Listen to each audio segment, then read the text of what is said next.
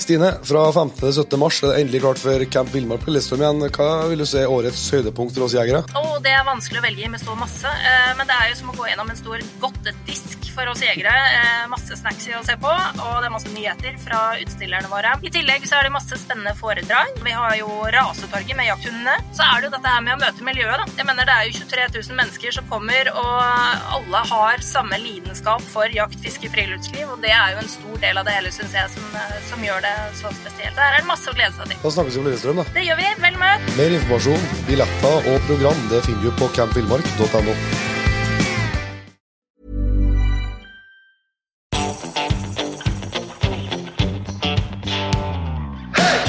Jegerpodden, en podkast av og for jegere.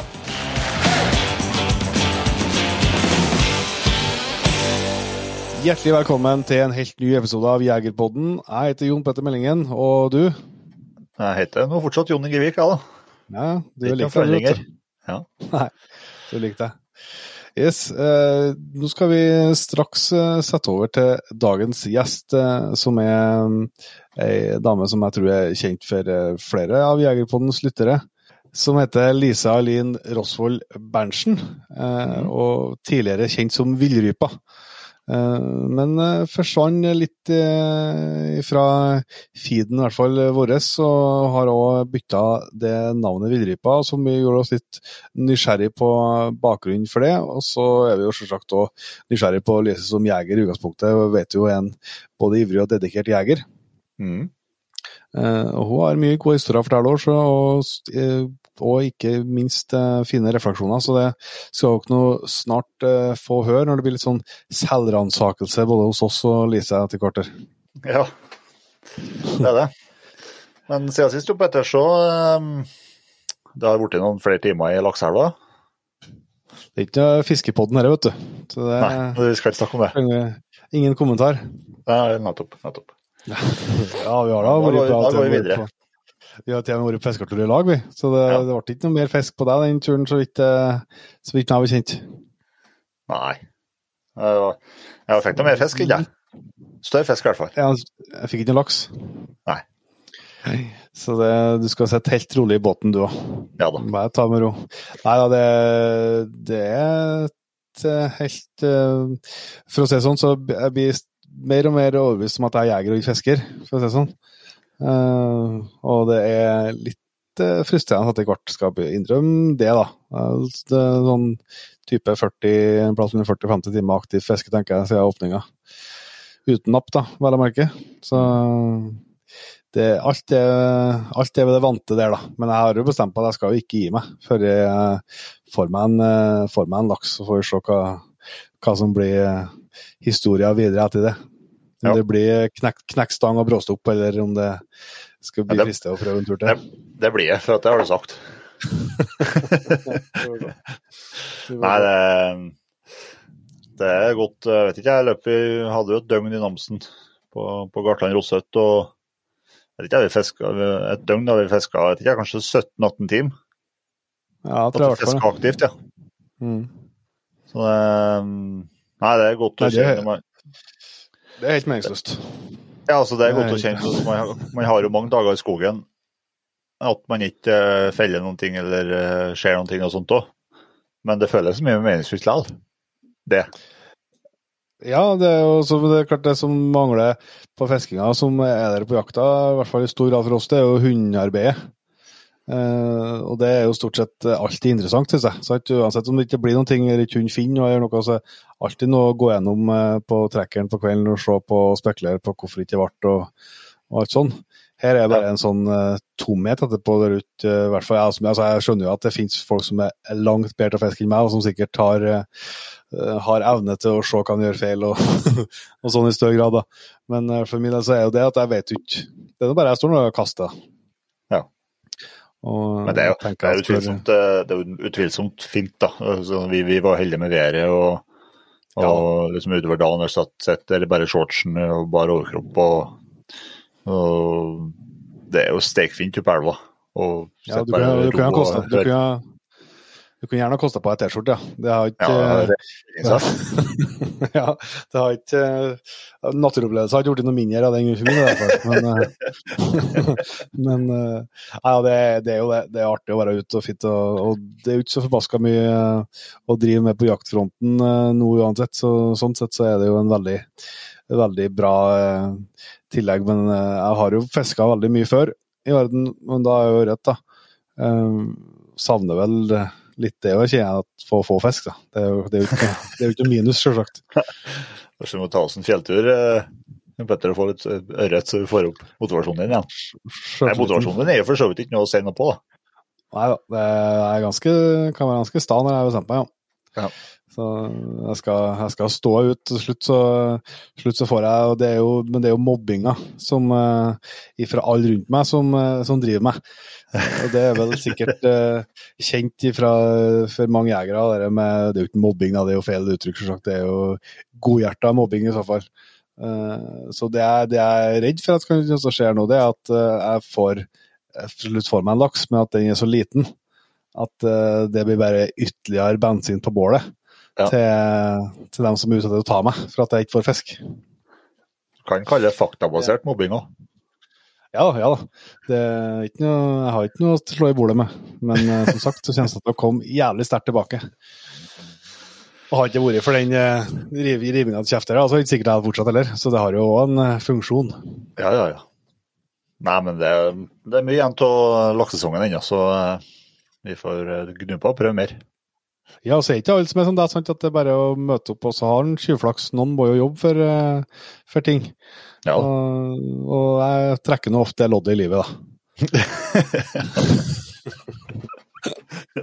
så, nei, som sagt så er ikke dette fiskebåten, så nå må vi, må vi komme, oss, eh, komme oss videre. Det er jo eh, det skjer jo stadig ting, stadig ting som er interessant å følge med på for jegere. Det har jo skjedd kommet nyheter både på jussen her eh, med oppdatering til viltlov eh, med å lys og sånt, og det har kommet en ny våpenlov som i kraft 1.6, så vi skulle se litt, se litt om det. Men først tenkte jeg eh, Vi har jo ikke redegjort noen ting ennå, Jon Inge, for eh, høstens jaktplaner i en særlig grad eh, i podkasten. Og det Vi planlegger jo mye, så vi kan jo vel eh, eh, Vi skal selvsagt uh, jakte eh, mye elg. Der Ja. eh, har vi jo fått på plass litt ekstra jakt òg. ja da.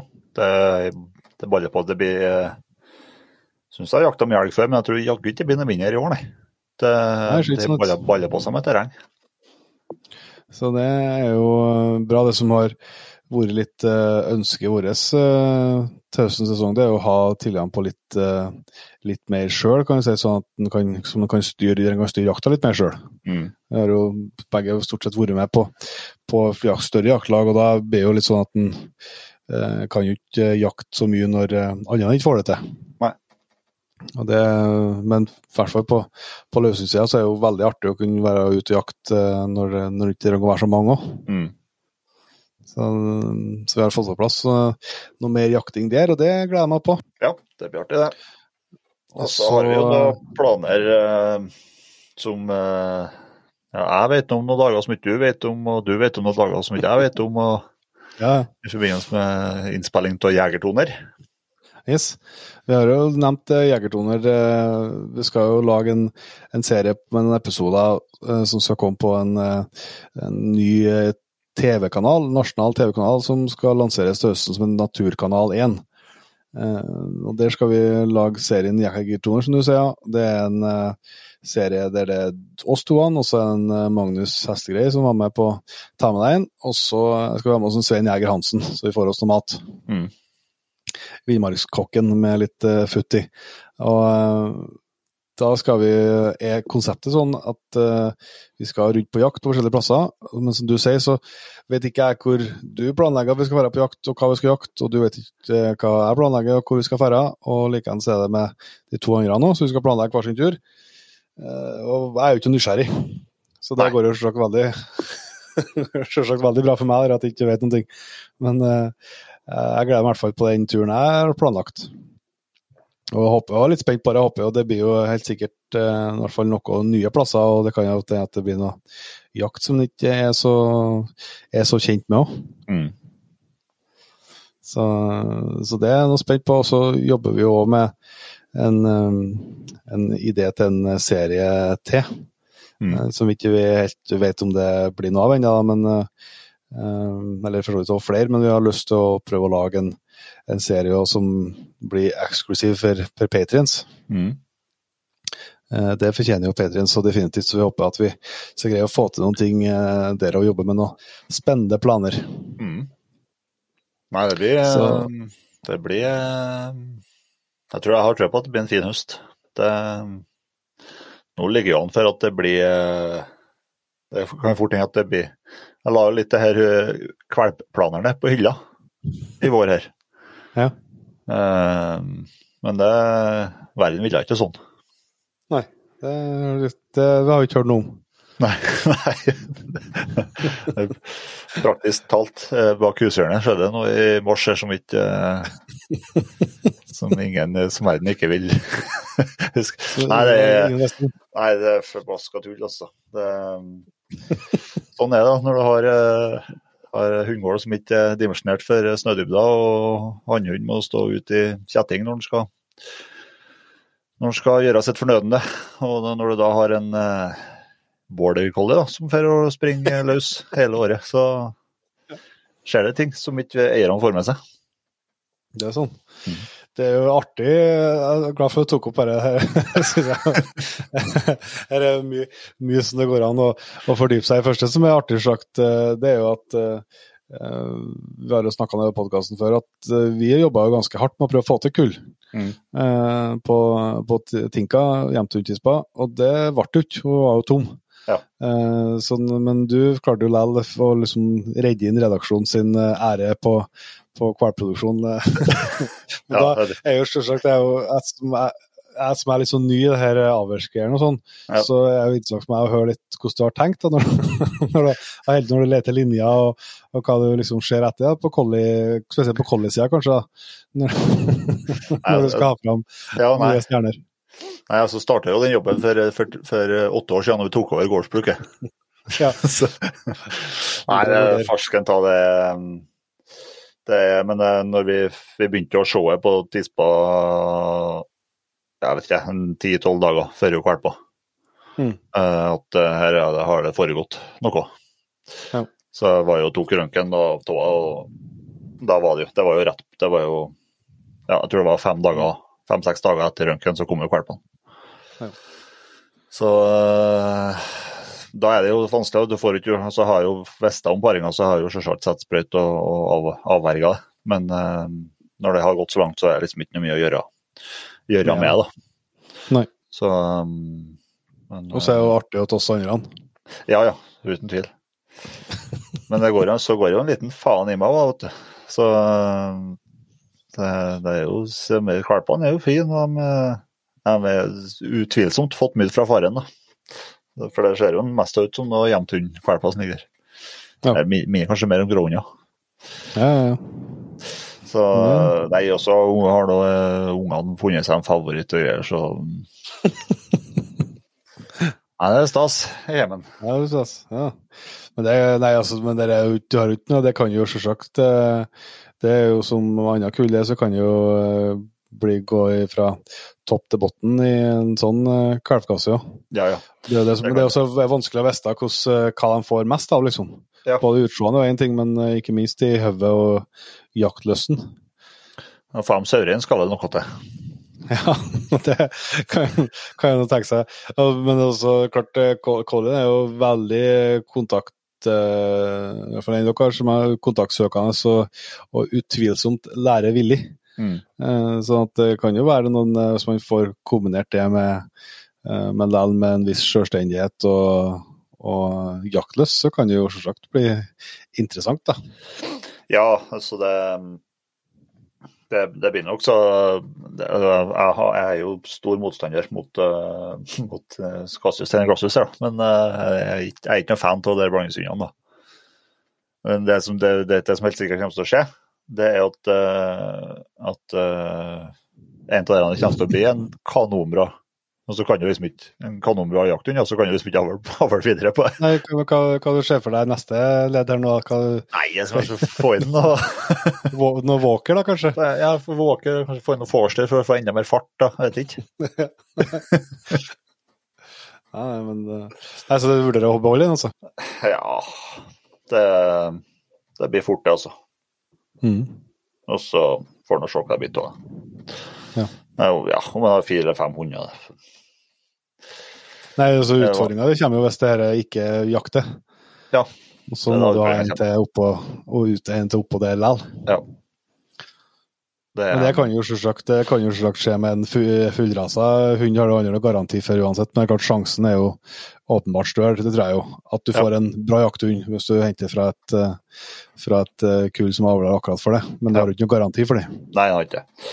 Så det Det Jeg har, men jeg har, jeg har ikke Det er jo seks valper. Heldigvis ble det fem disper og en hannhund. Det, det, det er jeg glad for. Ja, så at det er mye å sette på, mye å sette, mye å sette på i neste Ja, ledd. ja, det er det. Nei, det, du koser deg nå. Ja, det her syns jeg ikke er helt borte i det hele tatt. Jeg syns jo det er bemerkelsesverdig at paringene går, går så radig når ikke du er med i bildet. Ja.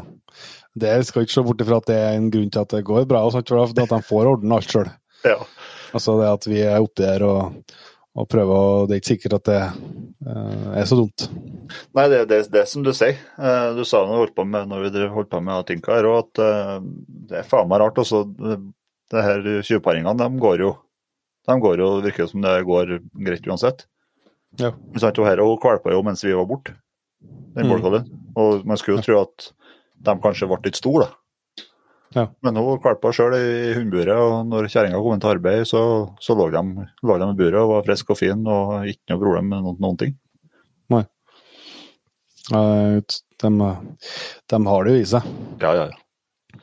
Og det, det er jo så ut at jeg skal si at det er sånn, men, men det er jo, hvis vi tar en sånn eh, linje tilbake da vi snakka med en eh, med en Helge òg, så hadde jo han der eh, at det største begrensninga til hund ligger mellom, eh, mellom eh, i ørene på eieren. Og det er klart at eh, så i, i en del tilfeller, så selv om vi mener beste eh, vilje, sant, så det kan godt hende at eh, i en del tilfeller når en skal prøve å pare, f.eks. at den er at er- legger seg for mye borti, da. eller at de blir for påvirka av at du er, er i nærheten der. Mm. Eh, som de ikke, ikke gjør da når uh, Og det, og det er jo sånn kanskje med tjuvparinga til folk, at uh, da er vi jo litt det, det handler om å få gjort. ikke liksom ordne så mye styrt. Da. Så det kan jo være, det kan jo være noe sammenlignbart der, kanskje. Ja. Nei. Nei, men det synes jeg innredningen her synes jeg tok en, eh, tok en artig vending. Jeg har liksom ikke tørst å ha tatt opp dere på eh, offentlig sammenheng. Det setter jeg utrolig stor pris på. at eh, Nei, jeg må jo ikke, jeg må jo ikke, jeg håper jo Jeg håper å bli kvitt disse valpene, da. Men, eh, men jeg, da har jeg jo tenkt, for at jeg skjønner jo at dette her er, er hunder som kommer til å kreve en del. Uh, Ja. I form av uh, mosjon og, og eh, ja, de må, de må brukes til noe. Uh, Mm. Så jeg har tenkt å Det blir ikke uh, hvem som helst som, som får kjøpt dem, for at eh, jeg ønsker ikke at det skal bli et, et plag at dem som kjøper dem. For det er utvilsomt uh, Border collie krever mye stimuli og, og, og mosjon, og det samme gjør en jevnthund. Så, Mm. så er det noen som har leta i noen år etter den perfekte kombinasjonen mellom border collie og jevnthund, så er det bare å slå på tråden. Så syns uh, jevnthund var for enkel å få saurein i utgangspunktet. Ja. Ja. Så, Eller går å- lydig. ja, ja, så går det an å ta kontakt, ja. Vi skal ta opp her, Jon Peder, når jeg, når jeg kaller inn, kanskje neste høst når jeg kaller inn en hund fra Los på 1,5 km. Ja, ja, ja. Nei, det blir kjempemessig. Jeg, for all del, jeg håper jo virkelig at hvis du beholder at det blir bra, selvsagt. Det har ikke Og det kan jo, kan jo virkelig å bli. Det er jo veldig mye eh, eksempler på blandingshunder som er fantastiske jakthunder. Ja. Eh, Med, med både mikser som, uh, som er uh, De som ligger nært opp til hverandre, men også de som, som ligger langt fra hverandre. Så det er jo ikke noe Men liksom for deg, det er klart for din del som sånn skal være litt sånn høy og mørk og seriøs og, og tøffing, så skjønner jeg at det vel kjennes litt i magen. Det image der, det, det har forsvunnet nå. ja. Jeg, bra. jeg bringte det på banen sjøl denne episoden. Så ja.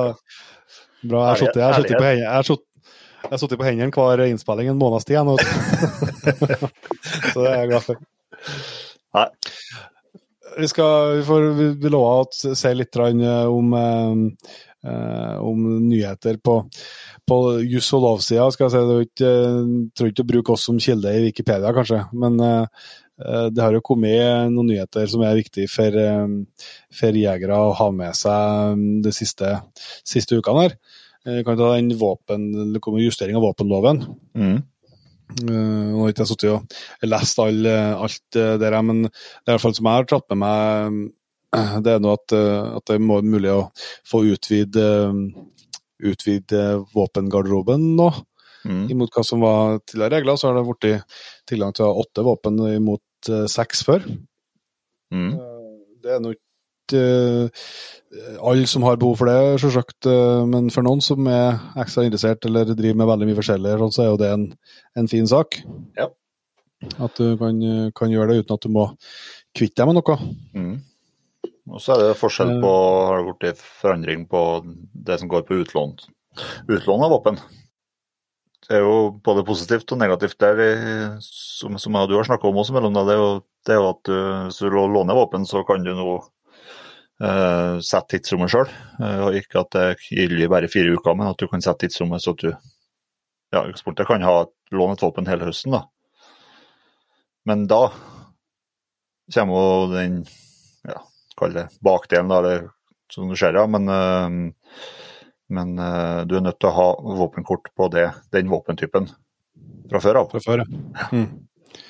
Sånn at uh, Før så kunne jo Jeg sa at du er førstegangsjeger og uh, hadde ordna uh, hatt tillatelse på hegl eller på riffel, så kunne, mm. du, uh, kunne du låne motsvarende for å teste hvis du ville.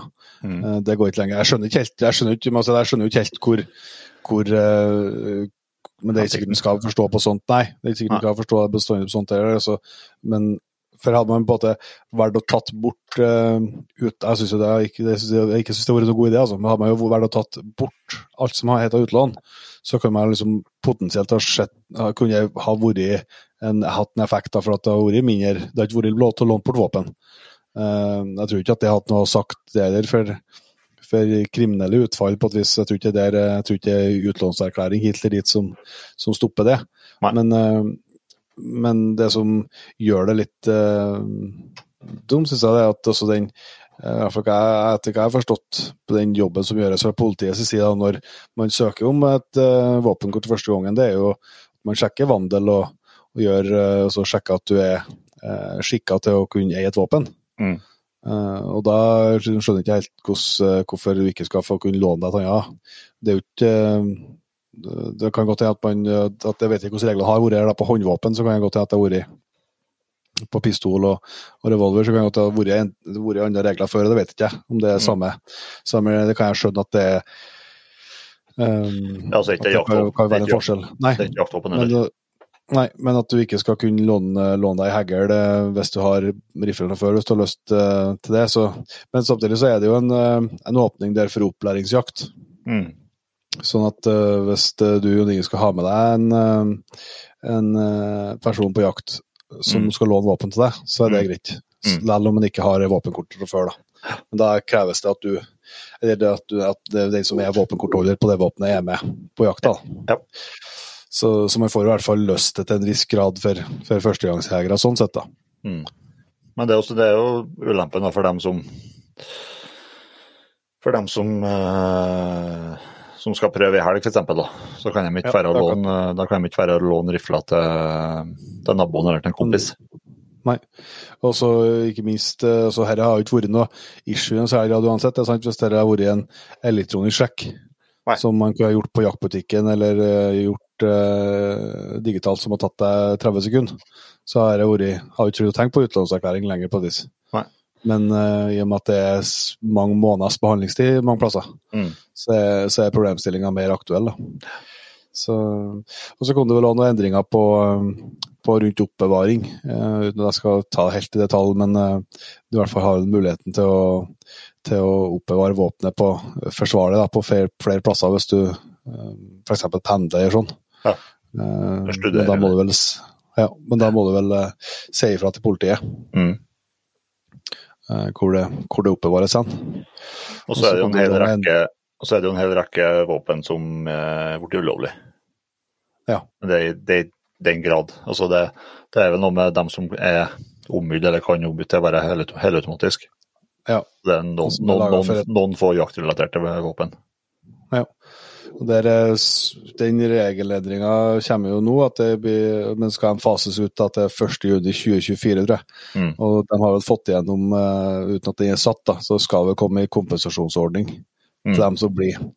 Uh, og det er jo veldig bra. Det syns jeg bare mange skal mangle på vis. Ja. At uh, man i hvert fall får kompensert det, det tapet man har der. da. Når, for alternativet er å selge det selvsagt til et land som ikke har det i regelen. men jeg vet jeg vet det, men jeg kan liksom ikke se for meg at det er bare å knipse i fingrene og selge et våpen til utlandet heller. Nei. Så det, det er det. Og så kom det en endring i forrige uke her, eller ble, gikk gjennom Stortinget på bruk av kunstig lys på, på villsvin. Ja. Um, den uh, gikk jo gjennom, at det skal bli det. Men vi fikk jo ikke noen sånn uh, nøyere uh, definisjon, etter hva jeg har forstått, i hvert fall på hva man mener med, med kunstig lys da, ennå. Det var lagt opp til en definisjon, tror jeg, fra, fra Bollestad-gjengen. Men, men det ble, den ble droppa i det som var nå. Og så det bedt om en, en ny sånn, på viss definisjon, en tilnærming til det. da. Hva, Ja, som er, Hva som er bra som, som kunstig lys, ja. ja. For det, det, det er vel spørsmålet i forhold til termiske, termisk optikk. Ja, Ja. for at hvis det, hvis det blir definert som kunstig lys, så ergo så er ikke det lovlig på, på annen jakt, eller? Nei. Det er lovlig, vil være lovlig på villsvin, da. Um, uh, men, ikke på, men ikke på ordinær jakt, da. Mm. Så, så, vi har ikke, så i hvert fall der må, jo, må vi åpenbart ta høyde for at vi ikke har forstått uh, alt, eller at det er andre tolkninger som er mer relevant enn våre. Da. Men det er i hvert fall sånn som, som jeg har klart å forstå det hittil. Mm. Og da eh, Men eh, Og nå ble det nå vel eh, bestemt at eh, eller altså man kan tolke den samme inn at eh, på ettersøk på hjortevilt, så vil det òg være eh, lov med Både på hjorte, hjortevilt og villsvin, med lov med kunst, bruk av kunstig lys. Skulle jo selvsagt bære mange Ja, men det, det har jeg vel vært fra før òg, på, etter, på ettersøk. Ja, men eh, det, det, har, det har ikke vært prøvd, da. I så måte. Nei. Jeg vet ikke hvordan jeg forstår det. her. Sånn at uh, da må vi snakke om sånn ettersøk, da, så er det altså når, når det er meldt inn til, til de myndighetene som Ja. Eh, at, det skal, at det skal gjøres. Men eh, var, var, det, var det der noe mer spesifikt om termisk i forbindelse med ettersøk på, på hjortevilt? Nei, det er jo kunst, kunstig lys. Jeg tror Som jeg forsto det, så var det, ja. Ja. At, uh, at det er snakk om bare kunstig lys foreløpig. Ja, for det, det står jo en sak som jeg leste her til Norges Jeger og Fisk, så står det at Landbruks- og matdepartementet hadde saken på høring. Så var opprinnelig foreslått en definisjon av kunstig lys som i praksis ville omfatte det aller meste av digital teknologi, eh, samt at det skulle begrenses til å kun være eh, tillatt med synlig lys på ettersøk av hjortevilt. Altså det vil jo si da, hodeløkt, sikkert. da. Mm. Um, Sjøl om dagens definisjon av kunstig lys er uklar, ville departementet departementets forslag etter Norges Jeger- og Fiskerforbunds syn bidra til unødvendige innstramminger og ytterligere uklarheter. Så i lovforslaget som ble framlagt for Stortinget, så var definisjonen utelatt og erstatta med departementets tolkning av hva de anser som kunstig lys, og at begrepet må tolkes i lys av samfunnsutviklingen. Så det er jo ikke Det, er, ikke, ikke bent fram her, da. det er jo like uklart fortsatt, da. Um, Vil jeg si. Men så, men så kom det en, en merknad her da at uh, at jus- og Justiskomiteen kom til samme konklusjon, at uh, de ber departementet foreta en nærmere utredning om bruk av kunstig lys i uh, den pågående revisjonen av hele viltloven. Ja. Um, og da de sier merknadene her, blant at det skal være avgrensning mellom håndholdte enheter og våpenmonterte enheter. Og så om det er i strid med intensjonen i viltloven å forby digitale enheter til observasjon og videoopptak hele døgnet som håndholdte enheter, basert på uh, om utstyret potensielt kan brukes i dårlig lys. Så Det er jo litt så, det er jo vanskelig å få Det er jo først det er jo et språk uh, og en tilnærming som ikke vi i Jegerpodden er kjent med, skal jeg si og kan. Så, så det er litt så vanskelig å få tak i alt det men uh, det er iallfall ikke etter hva jeg forstår, så er det ikke avklart ennå. Men jeg syns ikke det er overraskende om det kommer Eh, om det kommer altså eh, At det vil være forskjell på noe som er montert på våpenet og, og en håndholdt enhet. Nei. For uh, om du kan ut og se på natta i en håndholdt enhet og se hvor mye dyr som er frampå, så får du ikke å skjøte dem for de. Nei. Så det sånn at det At ikke de bare kan bruke, ikke bare kan bruke vanlige begrep som alle skjønner? Ja. Du skriver termisk eller varmesøken eller ja. men det er vel sikkert, ja, men det er sikkert litt det at de må få til en formulering sånn, som gjør at hvis det kommer en helt ny teknologi ja. Eh, for å gjøre det samme om et år, ja. så mm, må den komme under, eh, under samme lovverket. Og ikke, eh, så det ikke blir så spesifikt på, spesifikt på, på en og en teknologi. Da. Og det er jo, ja. fornuftig. Ja da. Men jeg er enig i at det, det er ikke så enkelt å liksom eh, å, å, klare å følge det der, men heldigvis så har vi jo både jeger og fisk og, og andre som, er, som, forstår mer av det, som kan tolke det, tolke det for oss. da. Ja. Nei, skal vi uh, sette over til, til Lise, eller? Lise, det gjør vi. Ja. Da har vi gleden av å ønske Lise Alin Rosvold Berntsen hjertelig velkommen til Jegerpodden. Jo, takk. Dette har vi venta på i flere år, vil jeg si. Ja, helt siden oppstarten. Ja. Eh, vi Lise skal snakke om eh, mye forskjellig, om både jakt og, og det rundt. Men eh, først så kanskje du kan starte med å si litt om deg sjøl? Ja, jo det er en valp, det. ja, det, er en fire måneders valp her som de på er urolig. Uh, nei Jeg jobber nå som journalist. Mm. Bor på Fauske. Jakta ganske ivrig, men nå ikke med kamera på slep. Jeg er gift med en mann som heter Christian. Mm -hmm. uh, ja, det var det egentlig mm. summere det meste, tenker jeg. Ja. Vi kommer vel inn på mer. ja, ja, vi gjør det. Og så eh, Hvis noen ikke dro kjensel på navnet mitt, så kan jo at flere drar kjensel på en eh, Instagram-profil Instagram og en blogg som du har drevet tidligere, som heter Villrypa. Mm. Det skal vi eh, komme tilbake til. Men du sa at du er ivrig, ivrig jeger. Hva er det, hvordan ser jaktåret ut? Hva jakter du, hva jakter du nå? Eh, akkurat nå så er det ingen jakt per nå så er, går det mye i jobb. Ja. Eh, håper at jeg i år er i såpass form at jeg klarer å jakte litt rev mm -hmm. og lokk. Og så blir det noen rypejakter som setter i gang først, og så er det elgjakta. Ja. Mm -hmm. Og det er lokalt her? Du, ja, vi har egne jaktterreng. Ja, mm. kult. Saltdalen. Må... På Vassbotnfjell. Ja. Mm. Og det er en altså en familiegård som har vært i vår slekt siden tipptippoldeforeldrene våre. Ja, såpass, ja. Mm. Så det er, det er, folk i familien som jakta der før, da? Mm, det er det. Godt kjent. Ja, veldig godt kjent der. ja, men det, jo, det, er jo artig det å ha et, et, et jaktterreng som du har et så sterkt forhold til. Da. Ja, det er jo der jeg vokste opp. Jeg var vel bare tre år gammel før jeg gikk opp der for egen maskin ja. for første gang sammen med mamma og pappa og morfar. Sant. Mm. Det er jo tøft å klare å holde og det å For min del har vært heldig og hatt, hatt, det litt sånn opp igjennom. og det, det er jo en ekstra dimensjon med jakta, liksom å få komme tilbake til de plassene. og Det er jo dem en går og drømmer litt om resten av året. Ja. Og det er jo litt artig, da, fordi at eh, han mannen min, da eh, Han eh, han var faktisk, når jeg var hos han Joar i, i Sogndal på jakt, mm -hmm. så var han hjemme hos foreldrene mine på Vassbotnfjell. Ja. Og skulle be han pappa om han fikk lov til å gifte seg med meg. Skal si det. Ja, Mamma den diska opp med middag, da, så hjertefiskekaker hadde han pappa kjøpt sånn passende nok. Og han hadde, han, eh, når jeg kom hjem, da, jeg ante jo ingenting om det her, det var jo ingen som fortalte meg om det, men eh, da hadde han da planlagt, for at han jakta ikke fra før, men nå har han tatt jegerprøven. Ja. Men eh, han eh, eh, han hadde, Vi skulle gå på jakt da eh, det, Jeg tror det var 15, ja, 15. august.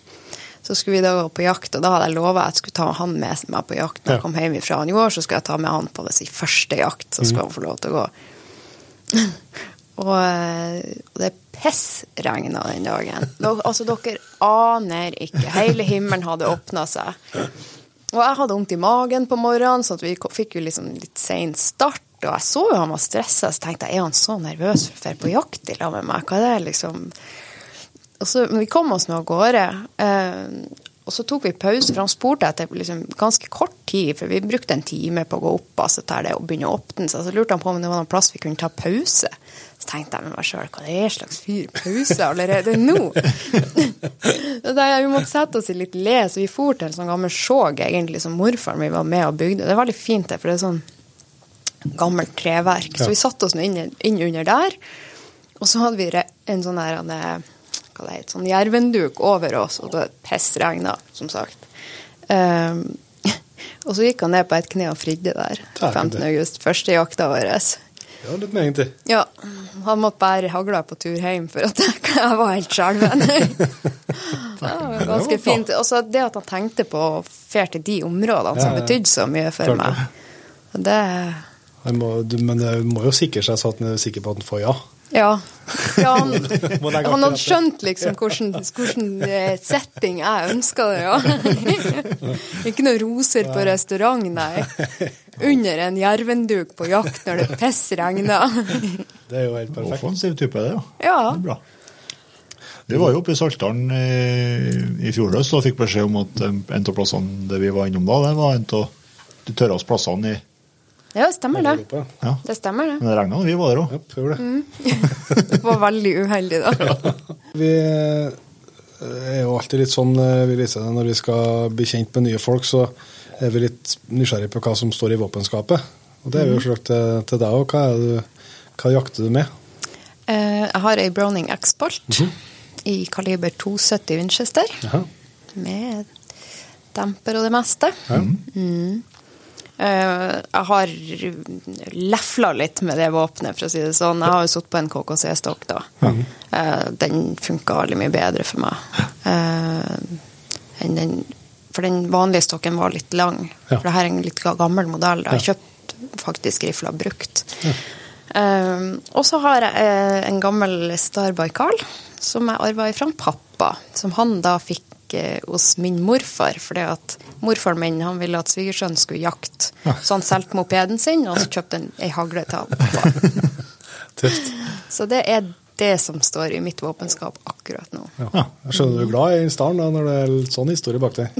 Ja, den, den er jo litt sånn Den har litt affeksjonsverdi, for at jeg har annet gått på trynet med den, så forskjeftet er skikkelig sånn herpa. Det er bunglete og fælt, men den, den går jo like Ja, ja. godt. Så det, jeg vet ikke, det er litt sånn affeksjonsverdi. Ja, Så bra. Det som jeg sa helt innledningsvis her, så eh, er det jo mange som kjenner deg under eh, navnet Villrypa.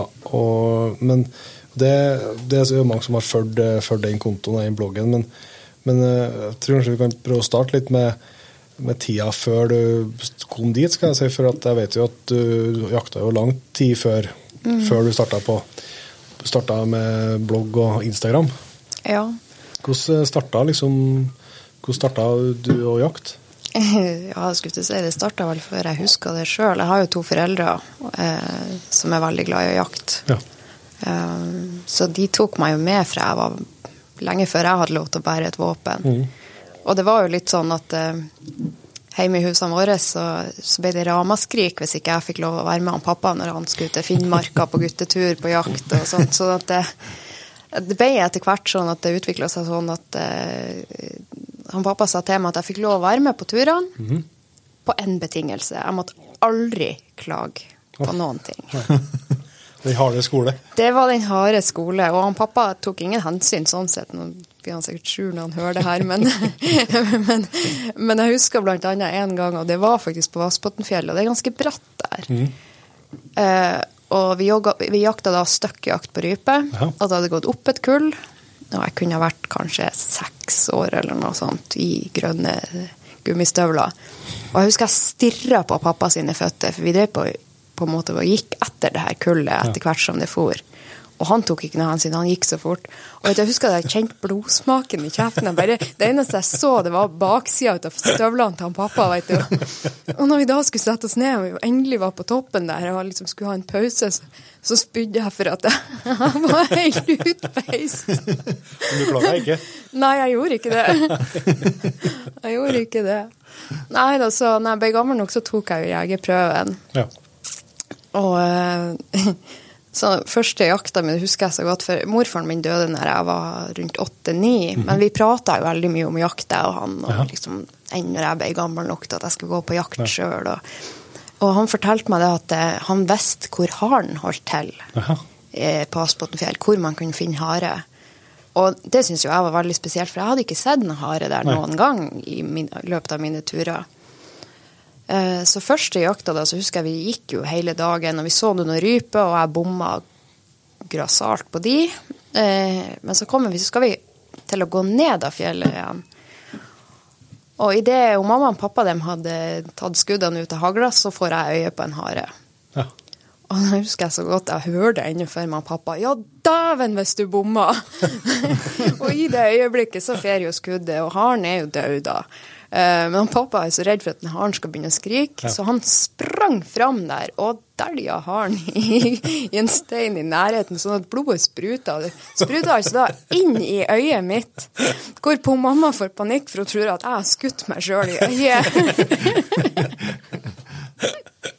Så det er sånn jaktopplevelse som sånn står sånn sterkt og komisk i minnet, da. Og det var jo veldig sånn For meg så føltes det spesielt at Ja, ja, det ble mitt første vilt, og det var en hare på Vassbotnfjell, når det var det morfar gikk og snakka om. Ja. Så det var litt sånn Arven, arven gikk videre. Ja, den gjorde det. Fantastisk. Mm. Men var det liksom rypejakt og sånn som, var, som du fortsatte videre med, eller? Ja, Ja. det var jo egentlig det. Jeg følte i mange år på at elgjakta ble litt for stort, Ja. på et vis. Eh, Det er jo et fryktelig stort ansvar når du skal avlive altså Ikke at det ikke er det med rype heller, men det kan få så store konsekvenser når du har skutt på en elg, og du ikke har skutt rett, eller det Det er jo ikke bare å fære og vri hodet av han, nei. om du skjønner. Så ikke bare putte den i sekken, eller? Nei, det er ikke det. Sånn at for meg så var det en bøyg å komme over, rett og slett. Uansett om jeg hadde vært med på elgjakta som på post og sånne ting, og vært med under slaktinga, så, så var det på en måte en, en bøyg for meg å gå over i, i storviltjakt. Ja. Men hvordan, mm. hva var det, hvordan utvikling var, eller hva var det som gjorde at du til slutt endte opp med å bli med på storviltjakta? Var det du som pressa deg sjøl, skal jeg si, eller ble det at du ble trygga? Jeg tror jeg egentlig bare bestemte meg og ble klar til slutt. Ja. Det, Ja, for jeg tror det er mange tror det var en modningsprosess, Ja. egentlig. Jeg tror man kan føle på det samme, altså. Ja, jeg har fått mye tilbakemeldinger på det. At mange som syns det er greit å jakte småvilt, men som syns det blir vanskelig når de skal jakte storvilt. Ja, ja og så er jo noe helt annet Det ikke- må jo ikke det på storviltjakt, men det som er det mest vanlige, er jo det lagsjakta. Det er jo Mm. litt mot at du er din egen sjef liksom, på, på rypejakt eller på småviltjakt. Mm. Det er jo det som jeg egentlig elsker enda med småviltjakta. Det er jo det at du er din egen sjef. Du går jo ut når du ønsker det, og du kan tenne deg et bål, og du kan ta deg en lur i lyngen om du har lyst, og du Ja. Det er utrolig Det er en sånn fri, frihets- ja, en frihetsfølelse. Ja, Mm. Som er, ja, det, syns jeg er et godt bilde. Men så vet jeg jo at du eh, etter hvert er introdusert fuglehunder. Ja. Jeg kjøpte min første fuglehund eh, når jeg var 14 for konfirmasjonspengene mine. Mm, en omplassert engelsetter, han. Han var svær. Så eh, han stilte jeg faktisk på jaktprøver med når jeg var Jeg tror jeg var 14 allerede når jeg stilte på jaktprøver. Han var tre år når jeg overtok han. Så jeg husker jeg gikk på parti med tror jeg, 20 mannfolk i 40-årene. Tøft. Så den gikk bra, den, eller? Nei, det gikk ikke noe bra. Han kom inn med en bekkasin, og han apporterte meg og var superstolt. Da ble vi diska. Ja, med jakt inn i hvert fall. Ja, det var det. Så dessverre så måtte vi ta han etter noen år, for han var ikke god i hodet sitt. Han, var, han, hadde opplevd ting, så vi måtte ta han. Ja, han var ustabil, ja. ja. Men jeg er jo vokst opp med engelsetere i hus. da. Det det. Mm. Ja, men Hvordan var stemningen da, når du gikk ved Gordensæter sjøl, når du vokste opp med engelsetere? Jo, altså, det hadde nå hendt seg sånn at vi hadde en Gordonsæter fra før av, ja, sånn, som heter Shot. uh, som de tilfeldigvis egentlig For vi, alle vi i familien, som meg, mamma og pappa, vi har jo vært aktive på i jakt, eller jakthundmiljøet. Ja. Eh, så de hadde vært på en jaktprøve, og der hadde vært noen som hadde igjen en kvalp av en Gordonsetter-type, og så hadde egentlig den blitt med og mamma dem hjem. Ja. så vi hadde en fra før av. skjønner. skjønner. Så uh, Men siden har du hatt eh, fuglehund, eller? Ja, jeg har det. Mm. Så min kar nå, han er nå elleve år, og han er stokkedøv blitt. og ikke bare selektivt dårlig hørsel. Det er ekte. Ekte dårlig hørsel, ja. Men han har jakta bra, han har satt og fått mye jaktmenn, eller? Uh, ja, det Han er ikke premiert på jakt. Nei, nei. Det er han ikke. Og han har hatt litt sånn sporadisk har han vært veldig god. Ja. Men mye har det vært litt sånn at har, vi har kjørt til jaktterrenget, og han bare ser på meg og så bare Yes, takk for skyssen. Vi ses til lunsj. Det er litt sånn Det er greit med GPS? Ja. Eh, det har vært eh, Mange ganger har det vært sånn rundt 1000 meter, og man får sjekka at GPS-en virkelig funka. Mm. Så den verste gangen var vel egentlig når jeg sto på én side av en dal, og det var sikkert ja, 500 meter i luftlinje, men langt lenger å gå opp og ned. Og han hadde langline på seg og virvla seg fast når han skulle ta opp et rypekull på andre sida av dalen. Og da måtte jeg gå hele veien tilbake for å løse han opp. Så det, det har jo vært både pluss og minus med han, og jeg har jo lært meg å bli veldig tålmodig. opp og nedturer, men det er jo sånn det skal være. det. Man er jo glad i det uansett.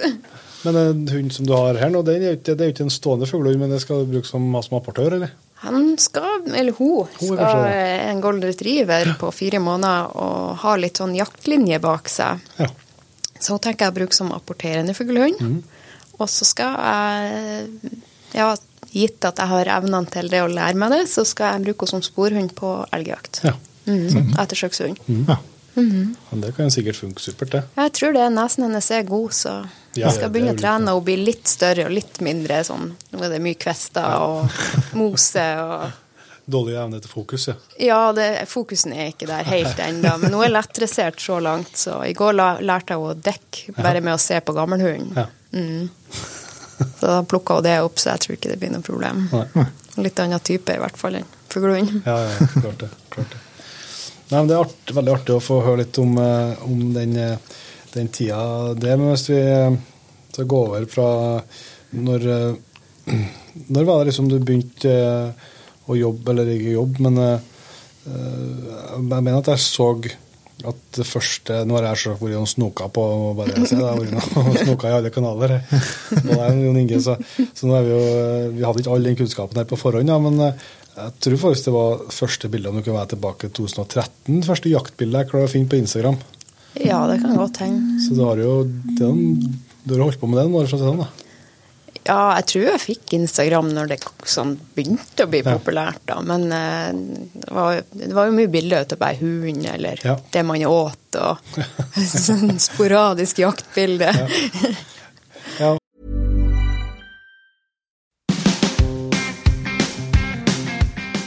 Stine, fra 15. til 17. mars er det endelig klart for Camp Villmark på Lillestrøm igjen. Hva vil du si er årets høydepunkt for oss jegere? Oh, det er vanskelig å velge med så masse, eh, men det er jo som å gå gjennom en stor godtedisk for oss jegere. Eh, masse snacks å se på, og det er masse nyheter fra utstillerne våre. I tillegg så er det masse spennende foredrag. Vi har jo Rasetorget med jakthundene. Så er det jo dette her med å møte miljøet, da. Jeg mener det er jo 23 000 mennesker som kommer, og alle har samme lidenskap for jakt, fiske, friluftsliv, og det er jo en stor del av det hele, syns jeg, som, eh, som gjør det så spesielt. Her er det masse å glede seg til. Da snakkes vi om Lillestrøm, da. Det gjør vi. Vel møtt. Mer informasjon, billetter og program det finner du på campvillmark.no.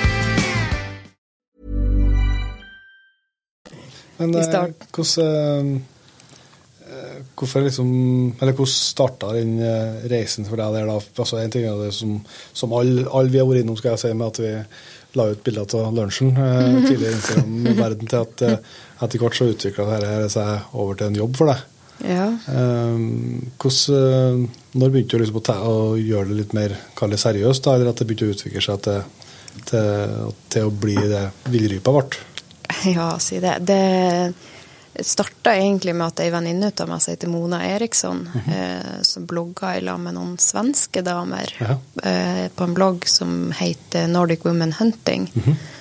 eh, hun ville gjerne egentlig lage et intervju, eller sånn portrettintervju av meg og mamma, siden vi begge er ivrige på jakta. Ja. Eh, og så spurte hun meg i etterkant av det, for hun ville at jeg skulle bare skrive det intervjuet, for hun hadde ikke tid til å ringe og sånn, så hun, ville, hun spurte om jeg kunne fikse det.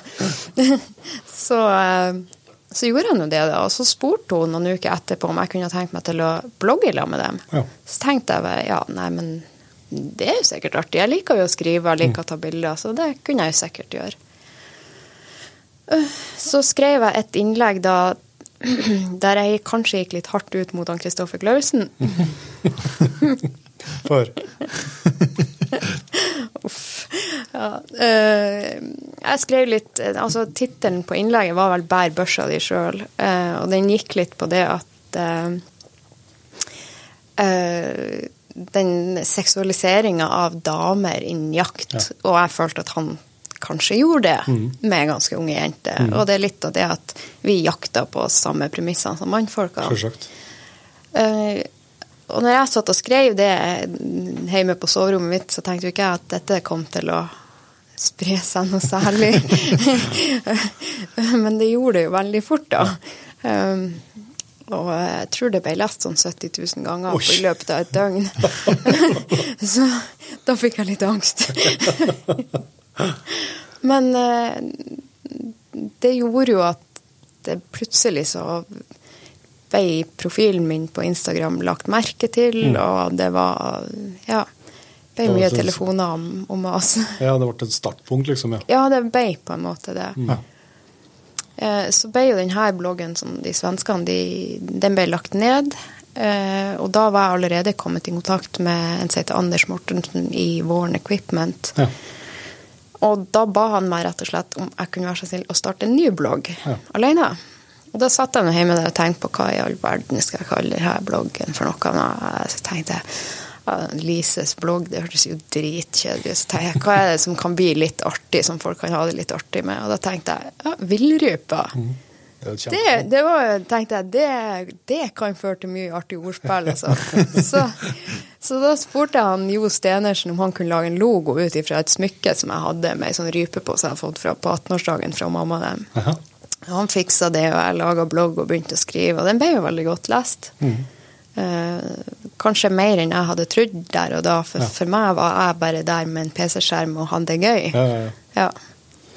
Så, men så ble jeg invitert med til Jørundfjorden og måtte utfordre komfortsona på det høyeste. Ja, det må vi tilbake til, men det, det, det er jo interessant at du sier det startpunktet der med, med det å bære børsa di sjøl. Ja, det ligger fortsatt ute på nettet, så det er mulig å lese Ja. den. Og den er fortsatt uh, aktuell i, i mange sammenhenger, sjøl om jeg, jeg kan først si at jeg tenker at uh, det er jo min egen analyse, så jeg har tatt feil før. Men jeg føler jo at du, eh, i lag med noen flere òg, um, starta jo litt den eh, eh, altså Selvsagt har det jo vært, heldigvis vært damer som har jakta i massevis av år, men, liksom, men eh, som tok det inn i Instagram-verden og tilgjengeliggjorde det innholdet og de opplevelsene for en ny generasjon. da. Eh, og det har jo gitt resultater som jeg kan, så vidt jeg kan forstå, som man ser at det er flere damer som tar jegerprøven og sånn. Så eh, det er jo en uh, Dere setter jo i gang noe veldig kult her, da. Ja, jeg tror ikke det var hensikten sånn i Nei, kan jeg utgangspunktet. Jeg tror liksom ikke det var ja, tank, tank Jeg tror ikke vi I hvert fall ikke jeg hadde eh, tenkt at det skulle bli så stort som det ble. Nei. Eh, Men, eh, men altså, nå det som du snakka om, den seksualiseringa her, det er jo, som du tok et oppgjør med, det er jo eh, Jeg opplever at det kanskje har blitt bedre da, Ja. med tida, eller? ja, det, det vil jeg si, egentlig. Folk fikk med seg hva, du, hva Lisa skrev. Jeg. Nei, jeg tror ikke de Jeg tror ikke det er min fortjeneste. Men akkurat på den tida så var det veldig mye sånne bilder. Men kanskje spesielt i Sverige, ikke like mye i Norge. Nei. Men i Sverige var liksom Instagram og jegere og jegerjenter det var liksom begynt å bli ganske stort da. Litt, de var litt før oss, egentlig.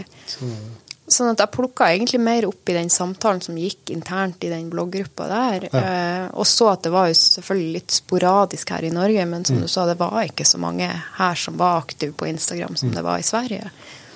Men jeg føler jo at det er blitt mye, mye bedre. Og mange av de som nå har store profiler, er jo skikkelige jegere. Ja, ja, ja. ja, ja det, det tror jeg jo Ja, det er uten tvil. Og det eh, også Jeg har jo sagt det før i podkasten. Jeg syns jo på et vis at altså, i, om det er jenter som jakter, eller jaktjenter, eller eh, hva det er, så syns jeg på et sett og vis at det er veldig bra. Og så er det en annen del av meg som liksom bare tenker at eh, om du er, du er jeger, samme hvilket kjønn du har på vis, så, så det, har, altså, jo det skal jo ikke ha noe å si. Nei. Men, eh, men all den tid, altså, så all den det såpass stor forskjell i jegerstand i, i, i kjønnsbalansen, så er det kanskje bra å, å ha fokus på det uansett. Da. Men, eh, men en annen del av meg liksom tenker at det har ikke, det har ikke noe betydning. Jeg tenker at det har egentlig ingen betydning, men det har altså Det vil fort kanskje få ei betydning eh, dersom man fremstiller seg Altså man, man, spiller på kroppen sin Ja. for å få jaktmuligheter. Ja, eller få oppmerksomhet, ja. Få oppmerksomhet. Og jeg tror også det skaper litt sånn irritasjon også blant menn som, som har jakta i mange år, og kanskje andre damer òg som ikke er aktive på sosiale medier, som opplever at disse unge jentene, eh, og nå nevner jeg ingen spesifikke, for det er ikke noen spesifikke jeg tenker på, men eh, som på en måte får ting i fanget fordi at de er gode å markedsføre seg sjøl. For det er jo det de er. Men, Ja, ja. men jeg tenker at det er jo ikke bra når de eh, Det kan jo ha konsekvenser seinere dersom du spiller på kroppen din. Ja, og så og så er det liksom veldig synd for liksom, ja, som du sier, overbygninga av, mm. av eh, for jegerne og for, ja, for jenter som jakter. Også, Hvis det liksom skal være hvis det er blitt overbygninga, at det handler om kropp og ikke om skog og fjell og, og eh, jaktopplevelser, som Altså- det må handle om. Jeg tenker at jegere altså på et generelt punkt i, i sosiale medier, de vil balansere på et hårfint eh, punkt. For det at vi Altså, sosiale medier er åpne for alle. Også de som blir støtt av det vi poster. Og da tenker jeg at da har eh, alle oss som jegere et lite ansvar for hvordan vi også framstiller jakta. Eh, Jeg skjønner at noen kan bli provosert hvis du står halvnaken og poserer med et dødt dyr og et våpen og verdens største glis. Det, hvis du prøver å sette deg i, i skoen til noen som kanskje ikke er et kjøtt, og som ikke syns at jakt er noe ok, så, så, Så provoserer det. så provoserer det unødvendig. Det er å forstå det. Ja.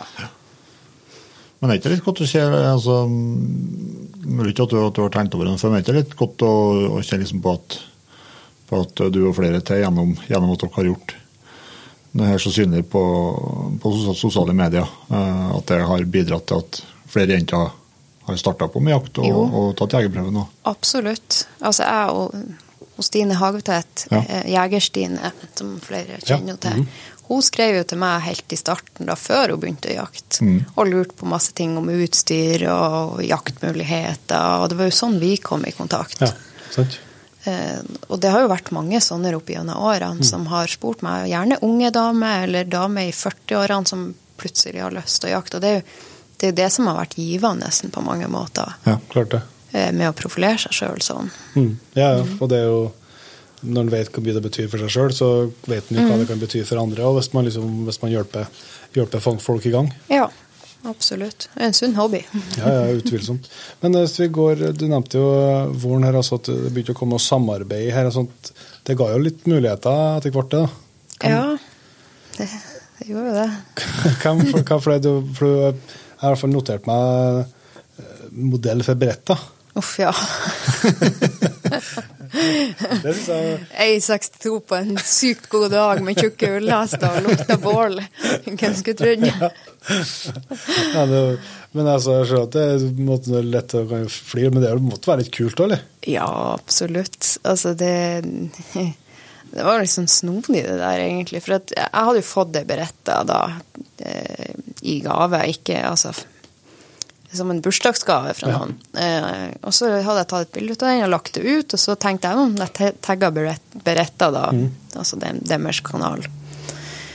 Eh, og de delte det bildet videre og begynte å følge meg. Og så fikk jeg en mail om jeg skulle på IVA i Tyskland det året. tenkte jeg om det skulle jeg. Jeg skulle dit i lag med våren. Eh, og så spurte de om jeg kunne komme bort til standen deres og ha et møte med dem. Så tenkte jeg ja, det var greit. Og så spurte de om jeg kunne ha med Pace Brothers, altså Pace Productions, eh, to skotske kompiser her. Så har et filmselskap. Eh, ja ja, det var greit. Vi loda nå bortover dit, da. og og ingen fare. Og kom inn på stand der, så var det en veldig ivrig italiensk dame som begynte å kle på meg ting og be meg om å gå fram og tilbake som en annen showhest. En sånn godmodig nordlending. Jeg gjorde noe som jeg fikk beskjed om. og de prata til hverandre på italiensk, og jeg skjønte ikke bare. Jeg gikk nå bare der og gjorde som jeg fikk beskjed om, da. Så eh, hadde vi et møte, ble vi tatt med på et bakrom og fikk champagne, og det var veldig flott. vet du, Det er tissekonkurranse på det. Vi var på hvem som har de beste standene. og så satte vi oss ned der, og, og, de begynte å snakke om at de skulle eh, ta bilder og film til eh, den nye kleskolleksjonen sin. For de satsa ganske hardt på klær og Ja. også beretter. Og jeg trodde jo da selvfølgelig, lur som jeg var, så trodde jo jeg at jeg skulle, da, skulle være med på det her som en sånn hjelper. Jeg hadde ikke satt koblinga, egentlig. Nei, Så jeg tenkte, trodde jo at jeg skulle være en hjelper Ja. da, til Pace Brothers. Ordne kaffe og sånn, ja. Ja, sånn, jeg var god å bære utstyr, det hadde jeg jo visst før. Sånn at det, det tenkte jeg, det jeg skulle sikkert bære litt utstyr og gjøre litt sånne ting. Sjau, noe som jeg var god på. Og det var jo helt egentlig til at eh, til at eh, jeg snakka med han Daryl og Byron etterpå, da, og de bare jeg 'Fikk med deg at du skulle være modell?' og da tror jeg jeg måtte ha zooma litt ut på det møtet, i hvert fall. Men eh, jo, det, det ble noe sånn. Eh, det var veldig rart. Jeg tror det var litt sånn Jeg har ennå et bilde ut av at de sitter, for de hadde både sminkør og og sånn er ma- ja, sånn, hva det heter for noe, som frisør og, og sånn makeup artist eller noe sånt. Så sitter jeg og et potetgull mens de sminker meg. ja, det var litt sånn, ja, det var en veldig surrealistisk opplevelse, for å si det sånn. Så han som designet klærne, han var fra Italia, og han var også da for øvrig homofil, og hadde heller aldri eh, vært i, eh, på jakt noen gang. Nei. Nei. Eh, Jeg tror han hadde vært designer for om det var Dolce Gabbana eller hva det var for noe. Jeg vet ikke. Men han, hvert fall, han fotfølte meg, for det var jo hunder på fotoshooten. Og jeg ble jo skitten hele tida, for jeg Ja, ja. kosa med hunder og satt på knærne. Og han for og rydda og ordna på meg hele tida. Jeg ser jo kanskje litt annen eh, klesstil enn du vant til òg, vil jeg tro. veldig. Mm. Og litt annen sminkestil òg. Jeg hadde på meg tweeden, så hadde de sminka meg meg så mye at jeg skvatt når jeg så meg sjøl i speilet. For jeg kjente ikke igjen det mennesket. Hva faen er det? ja. Ja, det er bra. Men det er uh, Pace Brothers, det må du må vi prate litt mer om. Ja. De har vært med deg på mye. ja, vi møttes jo egentlig første gangen da i Hjørundfjorden. Ja. vi skulle gjøre et prosjekt der med Warren. De skulle lage en sånn film. Eh, både en sånn litt langfilm om selve prosjektet, men også en sånn kortfilm som de skulle delta i noen konkurranser med. Ja. Og så ble Vi fikk nå veldig god kjemi med en gang. Eh, vi er veldig like i personlighet, og vi fikk en sånn god driv i arbeidet. Og, mm. så vi hengte nå i lag da i 17 dager, og, og da sa jeg til dem når at når vi skulle skilles av, så sa jeg til dem at eh, meg blir dere ikke kvitt. så arrangerte vi en jakttur da i Skottland. Eh, da kom det to svenske karer, altså ei jente da fra Norge. Eh, og så arrangerte vi da en jakttur i Skottland, så da overnatta vi i Lavvo i januar i Skottland. Ti minus var det på natta, og vi hadde bygd sånn utedo i stein og sånt. Og, da hadde vi sånn at vi vi hadde med oss litt sånn grønnsaker og potet og litt sånn frokostblanding, men vi skulle skyte det vi, vi skulle spise. Ja. Ja, Og det som ble da til overs, det skulle doneres bort til noen fattighus og sånt. Ja. Mhm. Så det var kjempeartig. Det ble, ble det middag, da, eller? Ja, det ble middag. Første kvelden så fikk jeg, da, da fikk jeg beskjed om at jeg skulle ut og skyte noen kanin. Og det var en litt sånn uvant opplevelse, for da ble jeg med en av de gamekeeperne, og de kjører altså rundt overalt i de bilene. Ut på jorda og opp i skogen og overalt. Og da har de en sånn svær lampe på taket som de sitter inne og sveiver med Ja. for å lyse. De kaller det for lampejakt. Ja. Og så satt jeg ut av da, så satt jeg i passasjersetet med rifla ut gjennom vinduet og nattoptikk og skaut. så jeg tror det ble en seks-sju kaniner til den første gryta på kvelden. Det var veldig spesielt. Så, Det kan jeg forstå. Men uh, fortell litt mer om det prosjektet i uh, Ørundfjorden. Fjorden der, da. Hva, hva var, så du sa det var en film, men hva jakta dere, eller var det som Det var jo hjortejakt egentlig i 17 dager. Uh, nå ble det vel bare felt to hjort de 17 dagene. Ja. Eh, men jeg tror vi var litt tidlig på året, for det, jeg vet ikke om du har sett terrengene der, men det er jo 90 grader rett opp. Det er Åh, det har ikke Jeg tror jeg gikk ned seks kilo på de 17 dagene der, for det var heftig. Eh, det så ut som et beinrangel da jeg kom hjem igjen. Eh, Så det var jo kombinert jakttur og litt sånn markedsføringstur, vil jeg si. Jeg visste egentlig ikke hva jeg gikk inn i Nei. når jeg fløy til Gardermoen og ble henta. Vi hadde ikke visst, vet, visste ikke så mye på forhånd. Men vi tok jo annet bilder, da, så der fikk jeg jo min eh, debut, by, debut foran kamera. Noe jeg syntes var fryktelig ubehagelig. Da var han Jo Stenersen med som fotograf, da. ja, han kan jo få til bra bilder, han. Ja. Han kan det, men jeg skal love deg at de første bildene han tok, det så jeg ut som ei ja, Jeg vet ikke hva det Jeg så meget ukomfortabel ut. Så eh, nå har han fått lov til å ta flere bilder av meg enn, av meg enn mamma og pappa har gjort i hele min oppvekst. Mm. så Men uh, at, at jeg har jo i historie, så vi gjør jo så lagt eh, god research i Jegerpodden. og da synes jeg var, vi, Du nevnte jo i stad at du har vært jakta og gjort en Joar Søhol. Eh, og det var vi jo de gjorde i høst òg. Og da var vi borte et terreng der, og så satt jeg og en, eh, en Joar på post eh, i en drevet i lag. Og da fortalte han, jeg kommer på at han fortalte historie om deg når du var der og, og skjøt hjort med, mens du åt sjokolade. Kan ikke, nå har jeg fått hørt den fra Joar, kan ikke jeg få høre den historien fra deg òg? Nei, det var jo jeg og Joar, og så var han Jens Kvernmo. Vi skulle nå jakte. Og vi hadde jakta dagen før, og det hadde jo gått bra. Jeg hadde fått en kalv, og skulle vi ut dagen etter. Og så eh, ble vi enige om at jeg skulle poste langs en sånn her, jeg vet ikke hva jeg skal kalle det, for en sånn traktorvei. Og så gikk det en sti over, eller sånn nedfor veien, og så over veien. Jo, jeg la meg jo til og kjeda meg, og Jens like lenger bort, og han, og han Joar skulle fære og drive. Og jeg har ikke så lang tålmodighet når jeg sitter på post. Jeg vet har det. Og så er jeg så sykt glad i sjokolade. Og jeg hadde fått beskjed om å ligge stille der, og jeg lå nå der og makka, vet du. Og så begynte jeg å tenke, jeg tenkte mer og mer på den New Energy-en jeg hadde i sekklokket. Og så tenkte jeg åh, det kommer jo ingenting her. Så jeg skyndte meg, jeg skulle være snar, så jeg pakka hele sjokoladen i munnen. Så det så ut som en sånn hamster eller. Og tror du ikke at hjorten kommer opp på veien akkurat da? Så jeg måtte altså da skyte hjorten med sjokolade tøtende ut i begge kinnene.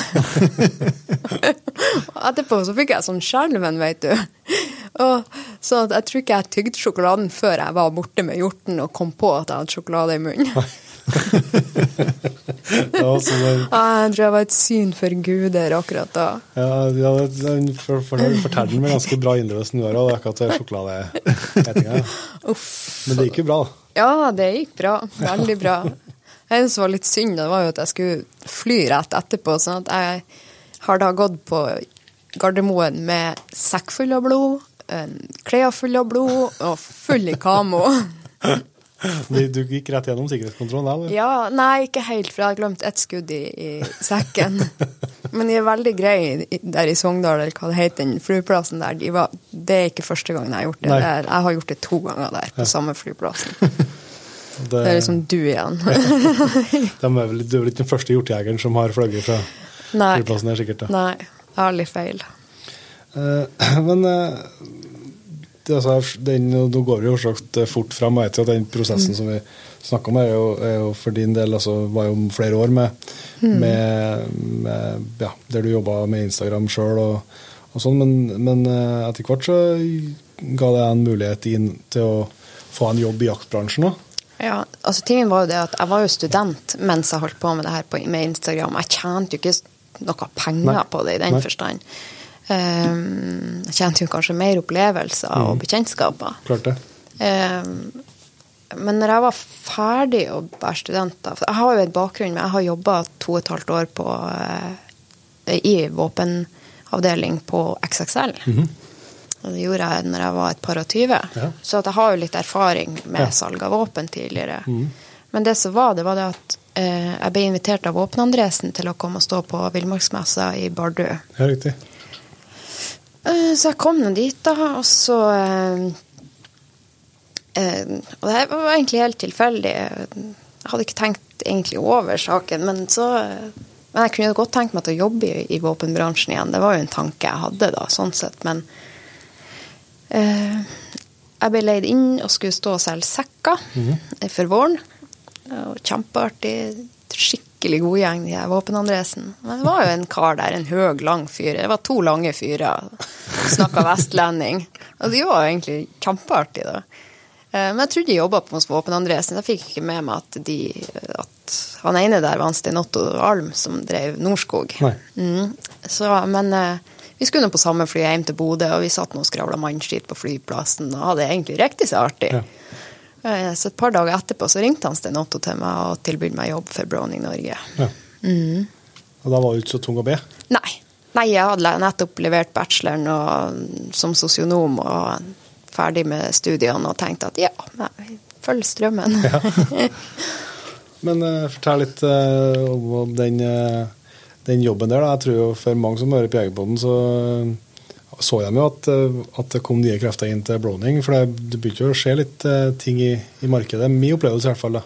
Ja, jeg fikk jo vel egentlig oppgaven med å markedsføre Browning. Egentlig merkevarebygging. Få det litt mer kjent. For det er jo mye mer kjent kanskje, eller har vært mer kjent i utlandet. Mm.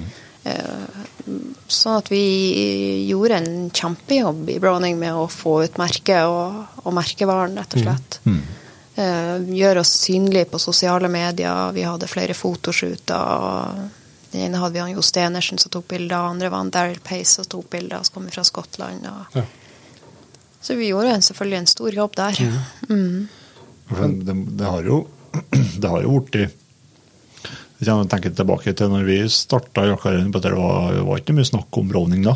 Nei, som jeg er ikke sikkert de følger med videre, da. Men, Nei, men Mest opptatt av å stå gamle tyskermøsere. Ja, det. Ja, altså, det, det, for det, det, har, det har virkelig skjedd et løft, må ha skjedd et løft for dem her til lands. Ja, nei, det skal jeg ikke si om det har skjedd et løft eller ikke, men jeg tror kanskje at de blir mer synlige. Ja. Ja, og de har jo veldig gode produkter, sånn at det, det er ikke noe i veien for å kjøpe Browning sånn sett. Eh, så eh, det handler jo egentlig mest om, om at man er synlig i markedet Ja. for deres del. At folk er klar over det. Så der, er- han Sten Otto skal ha han min. Han, var veldig, han er en veldig nytenkende kar. Ja. Eh, veldig våken og alert, og han skjønte at de måtte ut i sosiale medier. Han hadde fått det med seg at, at jegere var begynt å være til stede på sosiale medier. Ja. At det var der plasjen skjedde, og det er der det skjedde, rett og slett. Mm. Mm. Men det ble ikke sånn kjempelenge i Browning, da. Nei, jeg var vel to og et halvt år, cirka. Ja, stemmer. Ja. Var det reising og sånt som var Jeg vil tro at det var følg med en del sånt på det lasset der, da. Ja, jeg, jeg kjente etter hvert at jeg følte meg hjemme når jeg kom til Gardermoen. Så at eh, Fant benken din. Ja, jeg liksom fant det var oppe i C-gaten, for der var det rolig og liksom ledig på doene og alt sånt der. Jeg hadde noen, det var noen lenestoler der og greier. Sånn. Og jeg, jeg kjente til slutt som nådde et litt sånn nok-punkt. Mm. Jeg kjente at nå, nå har det skjedd for mye for fort. Ja. Eh, og jeg kjente at jeg begynte å bli litt sliten ut av å sitte i bil, bil alene. Blant annet kjørt Finnmarka rundt i februar et år, eller ja, Nei. Ja.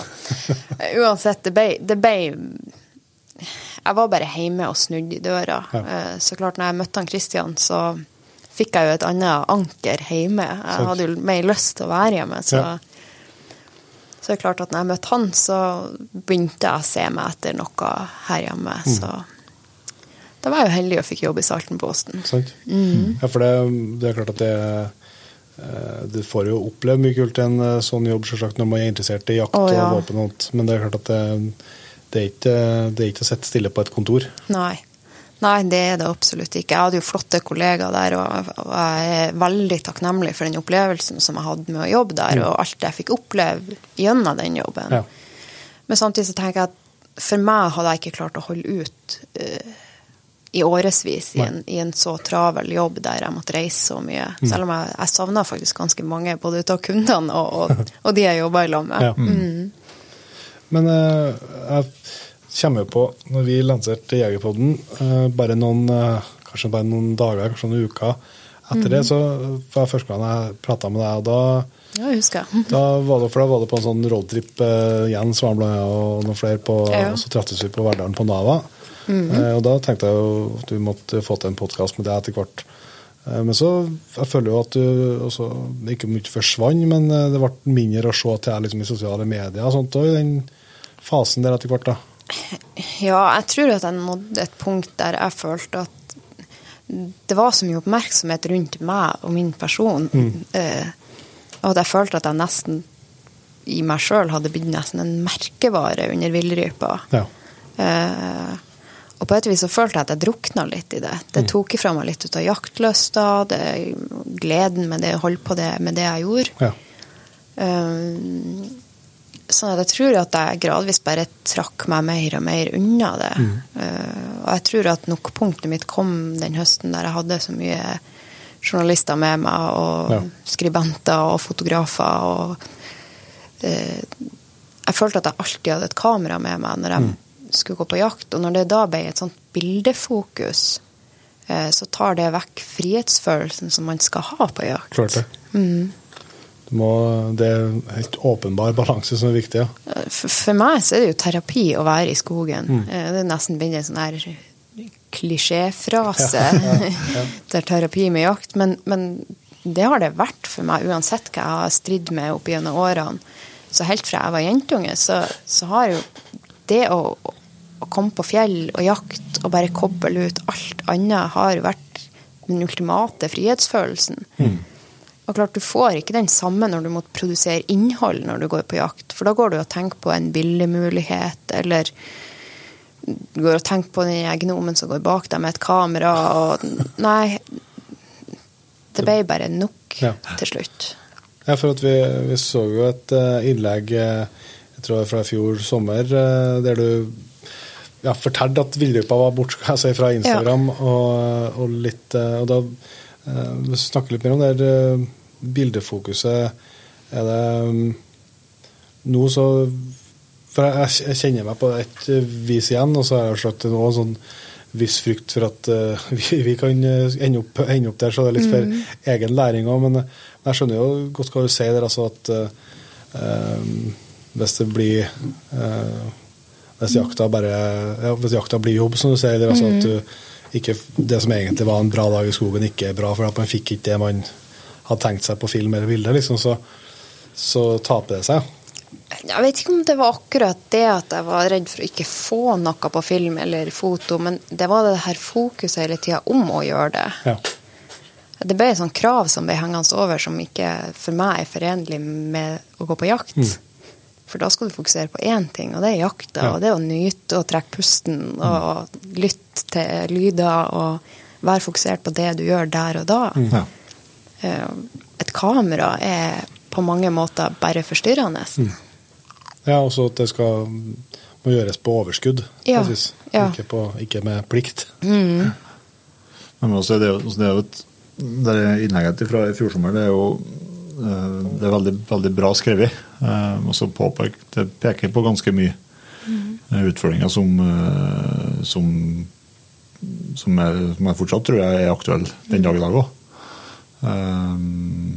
For at klart med, med den, med den store store hæren med følgere som, som, som førte kontoen din, mm. som. Og så begynner, og så begynner du å få spørsmål om hva, hvor er det hen? Ja. det, Det er mange spørsmål om det. ja, det blir mye press av det. Ja.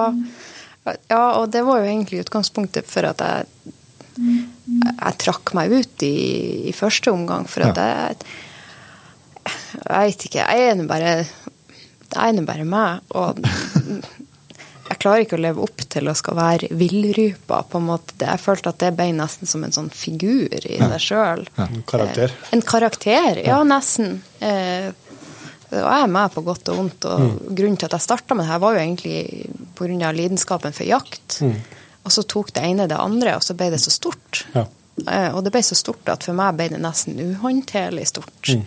Eh, og da følte jeg bare et behov for å trekke meg tilbake. Mm. Og så hadde jeg ikke tenkt over kanskje på forhånd det at når du får en så stor plattform, så er du en influenser, enten du liker det eller ikke. Nei. Eh, Så det du gjør, sitter noen andre og følger med på, og kanskje enten tenker noe negativt om, eller ønsker å være sånn. Og du får et utrolig stort ansvar. Eh, et etisk ansvar som du som privatperson skal tenke over når du har en så stor plattform. Og jeg syns det ble vanskelig etter hvert. Ja, for du skriver noe om det det innlegget, mm. det med utstyrspress. Ja. Det er jo noe vi har eh, eh, snakka om i Jegerpodden før, og som vi har eh, føler oss til dels skyldig i på et vis, og Mm. kunne være med å bidra til det. Hvordan eh, Du føler sjøl at du har vært med å bidra til det, eller? Ja, absolutt. Eh, altså si, Min inngang var jo med våren. Mm. Eh, nå var det jo sånn at jeg fikk jo egentlig aldri noe fra våren, annet enn en tur, men, for jeg hadde jo sekken fra før av, så den var jo grei. men eh, jeg var bare så glad for å oppleve noe nytt, Altså. det, det var nå helt greit. Men uh, eh, jeg har jo, jeg har jobba for et utstyrsfirma. Mm. Eh, Jeg hadde jo ansvar for å bygge oss opp på sosiale medier, så klart. Jeg knytta jo til meg andre influensere. Mm. Og på den måten har jeg bidratt til utstyrspress. Og jeg sjøl hadde jo bilder med dyrt utstyr på min konto, der jeg opplevde at eh, jenter helt ned i 14-årsalderen spurte meg hvor klærne mine var ifra, eh, våpnene mine, hva de måtte ha når de starta å jakte. Eh, jeg prøvde å svare alle at vet du, når jeg jakta min første gang, og de aller, sikkert de fem første årene jeg jakta, så jakta jeg med gummistøvler fra type Europris. Eh, sikkert grillress òg, tror jeg jeg hadde på meg på noe tidspunkt på det glade 90-tall. Men jeg, jeg tenker at det er en bismak når unge jenter og gutter tror at de må ha det nyeste utstyret for å gå på jakt. For det er jo ikke det det handler om. Nei. Nei, absolutt ikke. Og klart, skal du være stor på sosiale medier, og du skal samarbeide med merker, så det, da skal jo du fronte det beste de har, ikke det dårligste på rangen Nei, nei, nei. ut av det de har. Og, og det er det er jo ikke alle som har råd til sånt utstyr.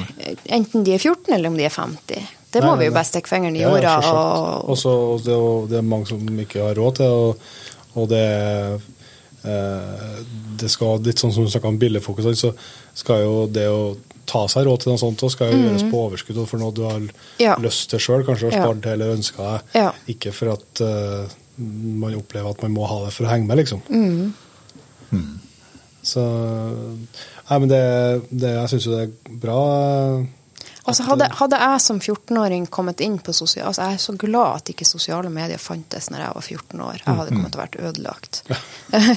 For hadde jeg som 14-åring, når jeg begynte å jakte og fikk mitt første våpen, og fikk den gamle Starby Carlen, som jeg var så stolt ut av Herregud, hvor stolt jeg var ut av det våpenet.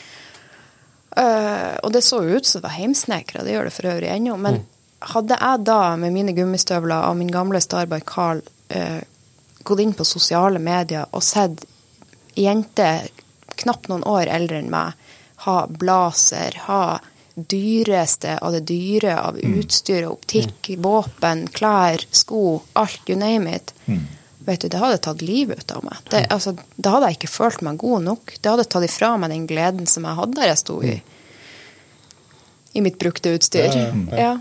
Hva tenker du om altså, hva tenker du om at vi, hvis man har, lest om det fenomenet der i, i andre, andre bransjer? Og, eh, altså med at man influenser og må, må påvirke og presse alt det at man, at man er kommet dit i jaktbransjen òg.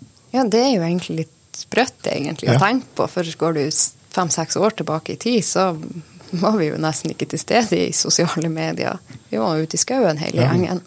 Nei, det er jo litt rart å tenke på. Litt synd på mange vis, men Og jeg tenker også at kanskje eh, jegere bør kanskje nesten ha satt en felles etisk standard for hvordan fremstiller vi oss i sosiale medier. Det får jeg sikkert mye pepper for at jeg sier noe, men det, det tåler du. ja, det tåler jeg. Eh, Men det er jo ikke bare utstyrspress, da, tenker jeg på, men det har jo også med også hvordan man fremstilte et skutt vilt. Det er hvordan man fremstiller jakta.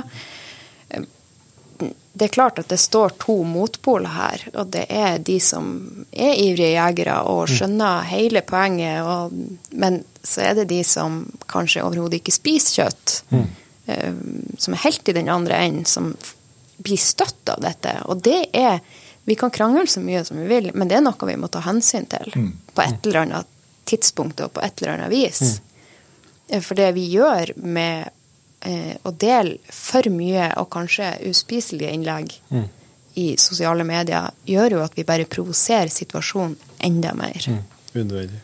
Og det tror jeg til slutt kommer til å ødelegge for oss på et eller annet vis. Ja, det kan godt være. Jeg tror det eh, Og jeg har gått, jeg har gått på store smeller sjøl, altså, så jeg skal ikke, skal ikke peke på noen. Men, eh, men, eh, men å være mer enda mer oppmerksom på det. Ja, jeg, tror det. Jeg, delte noe her om dagen, så delte jeg et sånn minne der jeg hadde vært i Skottland og bare gått en sånn kveldstur og, og jakta litt i lag med to venner der. Og på den kveldsturen der så lokka jeg inn en rev og skjøt den. Og det tok vi jo bilde ut av da. Eh, og det er det eneste bildet ut av en rev jeg posta på Instagram. Og jeg tror ikke det er noen ting jeg har fått mer drapstrusler for, for enn det. Mm. Eh, Det har vært eh, Det var faktisk noen fra Oslo da som hadde eh, for noen år siden de hadde gått på sånn Google Street View og funnet ut hvor jeg bodde henne, og tatt bilde ut av huset mitt og sendt at de skulle komme og ta livet av meg. Når jeg la ut det bildet. Det er mye syke folk der ute. Men dere må jeg si også at jeg tror um, Der tror jeg virkelig at vi har fått noe sånne greier som dere, men det har jo hatt eh, Det har vært i forbindelse med, med jakt på store rovdyr, da. Som er eh, Ikke at det er noe likere det, men altså det er Mm. Uansett en, en debatt som man vet enda er polarisert. Veldig. Men jeg tror at uh, damer får enda mer av sånn der type hat da, Mm. enn uh, det to skjeggete gubber som oss får. Ja, det er liksom bare forventa at dere skal oppføre dere så dårlig. Ja, og vi liksom, det er høye forventninger til oss, Ja, nesten. men Ja. søren hva det er som jeg har ikke god forklaring på hva som gjør det, men jeg, jeg, jeg syns jeg registrerer det, det jeg ser i feedene rundt omkring. Altså, at. Ja. eh, at tonen er helt annerledes. Ja, men det er jo litt sånn. Men man husker det at, at kan du si, når, mamma vokste opp, så var det ikke helt vanlig at damer var på jakt. Nei. Det var de færreste. Altså, kan du si, min morfar, øh, han var litt sånn forut for sin tid, eh, som tok med mamma på jakt fra barnsbein av. Ja. Ja, og, og man må huske det at det, det er faktisk ikke så himla lenge siden damer fikk en plass i jakta. Nei. Nei, nei, nei, det er ikke det. Og det kan hende at det er derfor det Ja. ennå pro- provoserer, at det ligger noen fordommer bak, eller det vet man jo ikke. Ja. Men, men det, det er tydelig at damer får mer hat enn menn på sosiale medier Ja, det- innenfor jakt. Ja, det er jeg helt sikker på. Altså. Trekker til seg mer idioter. Jeg har én løsning på det, og det har jeg alltid hatt, og det har vært å blokkere. Ja, ja. Jeg har aldri orka å svare på sånne ting. Nei. Men eh, hvis eh, Du har jo hoppa litt av eh, karusellen. Vi sitter jo på karusellen Mm. eh, enda. Lise, hvis du skal gi noen råd eh, til oss to Anna, som eh, på et vis føler oss litt skyldige at vi kan være med å skape et unødvendig utstyrspress med at vi jeg er glad i, veldig glad i utstyr sjøl, av, av, av egen fri vilje, langt, lenge før sosiale medier, valgt å bruke pengene våre i den retning, fordi det har liksom vært lidenskapen og det vi har et, et genuint ønske. Eh, Men du skal gi noen tips til oss. Hvordan, hvordan kan vi liksom, tror vi kan gå fram for å i hvert fall eh, skape så lite som mulig av det sånn type press? da? Uff, nei, nå er jo ikke jeg noen guru, men Men eh, jeg tenker at det er greit å være ærlig i forhold til at man faktisk har betalt for det sjøl. At man har spara opp, og at det er, som du sier, et overskudd Ja. og, og noe man virkelig har ønska seg Ja. og jobba hardt for å få. Og ikke eh, Jeg vet jo tilfeller der folk legger frem ting eh, som om at de har fått det, selv om de har kjøpt det, kanskje. Ja.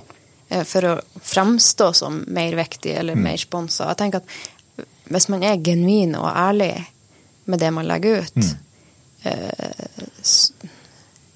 er vel det beste rådet egentlig jeg kan gi. Eh, Jeg har ikke noe svar på det.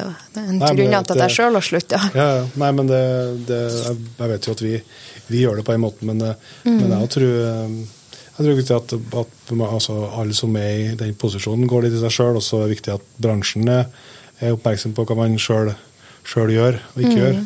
Og, eh, og som du sier, at uh, det her eh, sponsorjaget, det Mm. det å det, det Altså- er nok litt kunstig. Jeg tror de desidert beste jegerne som finnes i Norge, det er de som sitter inni en dal. Helt enig. Eh, Som aldri har vært innom Instagram eller noen ting som helst. Eh, vi har et eksempel oppi på Vassbotnfjell. Det er en kar der. Han er så sykt flink. Og han jakter jerv på åte, og han jakter rev, og han jakter elg. Han er svindyktig. Jeg vet ikke om noen som kan så mye om jakt som han. Nei. Han har jo aldri vært borti noe sosiale medier. Sånne folk hører man ikke om. Sånne folk, folk vi vil prate med, vet du. Ja, det Noter er navnet etterpå. ja. Ikke sikkert han vil snakke med dere. Jeg er ikke så opptatt av oppmerksomhet. Men det- altså det, det er jo ikke utstyret som gjør jegeren. Absolutt det er jo jegeren som gjør jegeren. Absolutt. Mm.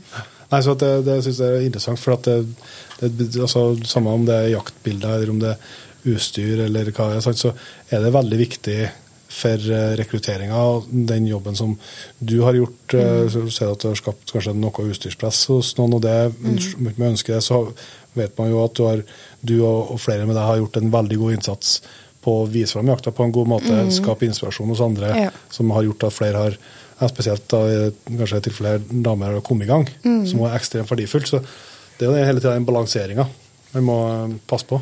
Men så er det jo det at jeg har jo sittet på begge sider av bordet. Jeg har jo sittet som en i åsetegn influencer, men også har jeg eh, vært en leverandør av våpenutstyr og tilknytta meg influensere. Mm. Og pusha utstyr på dem. Sant? sånn at eh, eh, det er klart at de som Når du sitter som en, en, et merke, da, eksempel, hvis vi kan kalle det det, så, så ønsker du å tilknytte én, folk som er flinke til å ta bilder. To, folk som er flinke til å fortelle en historie gjennom bildene sine. Og tre, som er flinke å skape engasjement på sosiale medier. For det er jo sånn du bygger en merkevare. Eh, og da blir det der en sånn Da blir det jo et utstyrspress.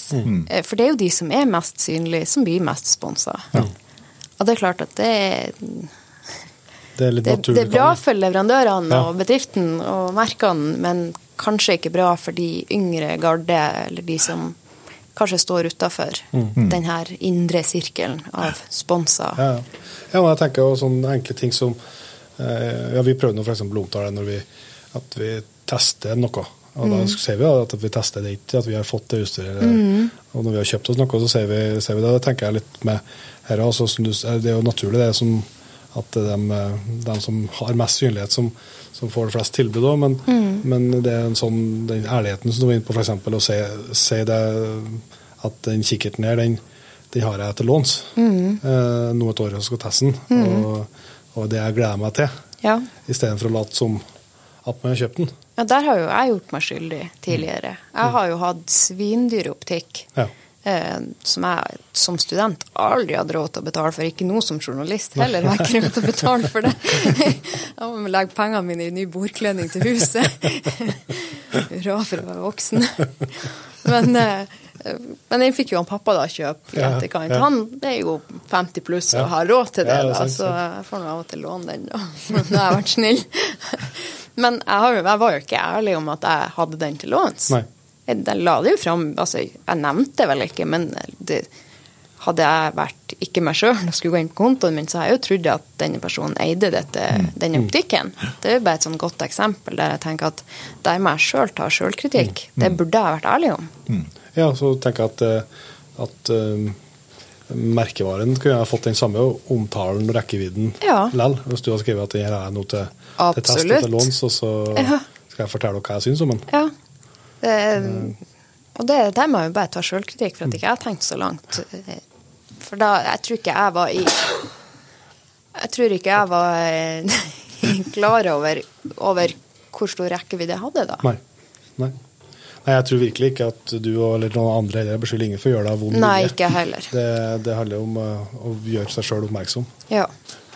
Nei, men du, dette har jo vært veldig interessant. eh, Som jeg forstår deg, så er ikke sikkert vi får se like mye av jakta di på, på sosiale medier framover. Så da kan det være interessant å høre litt hvordan, hvordan jaktplaner har du for, for årene framover. Nei, det det er nå først og fremst eh, muligens hvis vi får tid, da. Det, vi driver på med storrenovering av huset vi har kjøpt, så det blir det revejakt til sommeren. Eh, rypejakt til høsten. Må få prøve ut den lille apportvidunderet som Ja. ligger på sida av meg her. vi har begynt å trene med, frosenrype, så. Eh, og så blir det jo elgjakt, da. Ja. Eh, jeg har et håp om at jeg skal komme meg til Skottland og få jaktbukk til slutt. Ja. Helst med hill ponies, altså hester. Ja, ja. Mm, det er litt sånn drømmen, det. Ja. Men da må verden åpne opp litt Ja, først. det, det, men det må jo skje på et eller annet tidspunkt. Og så har vi jo noen faste spørsmål. Det har vi. Vi har liksom, vi går inn i litt landing her nå. Ja. Og da Lise, vil vi jo gjerne, eh, hvis du har et godt jakttips på luringa Kos deg på jakt. Mm. Ja, det er egentlig det eneste jeg tenker. Mm. Kobbel ut av og til. La telefonen, kamera, alt ligge, og kos deg på jakt. Og ta deg en lur i lyngen opp med bålet, og bare nyt. Mm. Ikke tenk så mye på at du skal prestere noe, bare nyt å være der. Det syns jeg høres ut som en fasit. Veldig bra. Eh, nå har jo eh, nesten, eh, nesten ekkelt å spørre om jaktutstyrstips etter den her, etter den her sjølransakelsen vi har hatt rundt bordet her. på dette, det, Men, men du, jeg syns du har allerede levert et godt et der med at et godt, gammelt våpen med stor affeksjonsverdi kan eh, gi store opplevelser på jakt, det òg. Ja, det kan det absolutt. Eh, Men eh, Nei, Hvis du har noe du skal få, du skal få Nei, jeg kan- tenkte jo bare For du hadde jo sagt at du skulle spørre om det, det jaktutstyret du har Ja, fått mm. eller kjøpt den Ja. siste tida. Men, men jeg har noe annet, noe som er veldig viktig på jakt. Ja, så bra. Jeg har lært meg å strekke lester. Å ja. ja. Det er veldig bra, ja. Når pandemien gjorde sitt inntog i Norge, og jeg ble permittert fra jobb, så var jeg veldig urolig og skjønte ikke hva jeg skulle gjøre. Ikke var det jakt, og det var dritvær ute. Så ringte jeg til mamma og fikk henne til å instruere meg, så jeg lærte meg å strekke lester. Ja, så det, det har jeg begynt å gjøre nå. Det, det er artig å se, for at eh, jeg hadde øversdag eh, for ikke så lenge siden her, og da fikk jeg av eh, farmor, hun har jo vært min sokkeleverandør i all tid, Ja. og så har jeg visst i en eller annen sammenheng nevnt det i et familieselskap, at hva vi skal gjøre i den familien her den dagen farmor ikke er lenger på sokkfronten. Ja. Da står vi på bar bakke hele gjengen. Og det hadde hun tatt til seg, så jeg fikk fem par. Sokker, så skulle jeg få fem par til neste år, så da mente jeg at jeg hadde resten av livet. da. Så legger jeg og selv. Ja, hvis ikke, så kan du ringe Ja, til meg, det, det var veldig bra at jeg har det. Ja, du får notere det. Om du har ei sokkekrise. For lesta, det er da ullsokker. Ja, det er ullsokker. Mm. Hosslesta, som vi sier her i Nordland. Så var du inne på bukkejakt i Skottland ja, med, med hillponies. men er det noe, en annen jaktdrøm som står på Ja, jeg, jeg må jo ærlig innrømme, og jeg blir jo sikkert slakta for å si det, men jeg har alltid drømt om å jakte bjørn. Ja. Tøft. Eh, Jeg er vel en spenningssøker av natur, så den tanken på at det er risikabelt, eh, og at det krever mye ut av en jeger å jakte bjørn, gjør det vel litt fristende. nesten. Eh, Kanskje mer enn nødvendigvis det å felle en bjørn, men faktisk det å få være med på selve bjørnejakta. Har pulsen, ja. kjenn kjenne den pulsen og Ja. Det, er, det er Formel 1, det. ja Det det, uten tvil. Veldig bra. Da er det jo sånn eh, Lise, at vi prøver jo alltid å runde av med jakthistorie, vi da. Så vi er spent på om du har eh, tenkt ut ei vi kan eh, kose oss med på slutten her.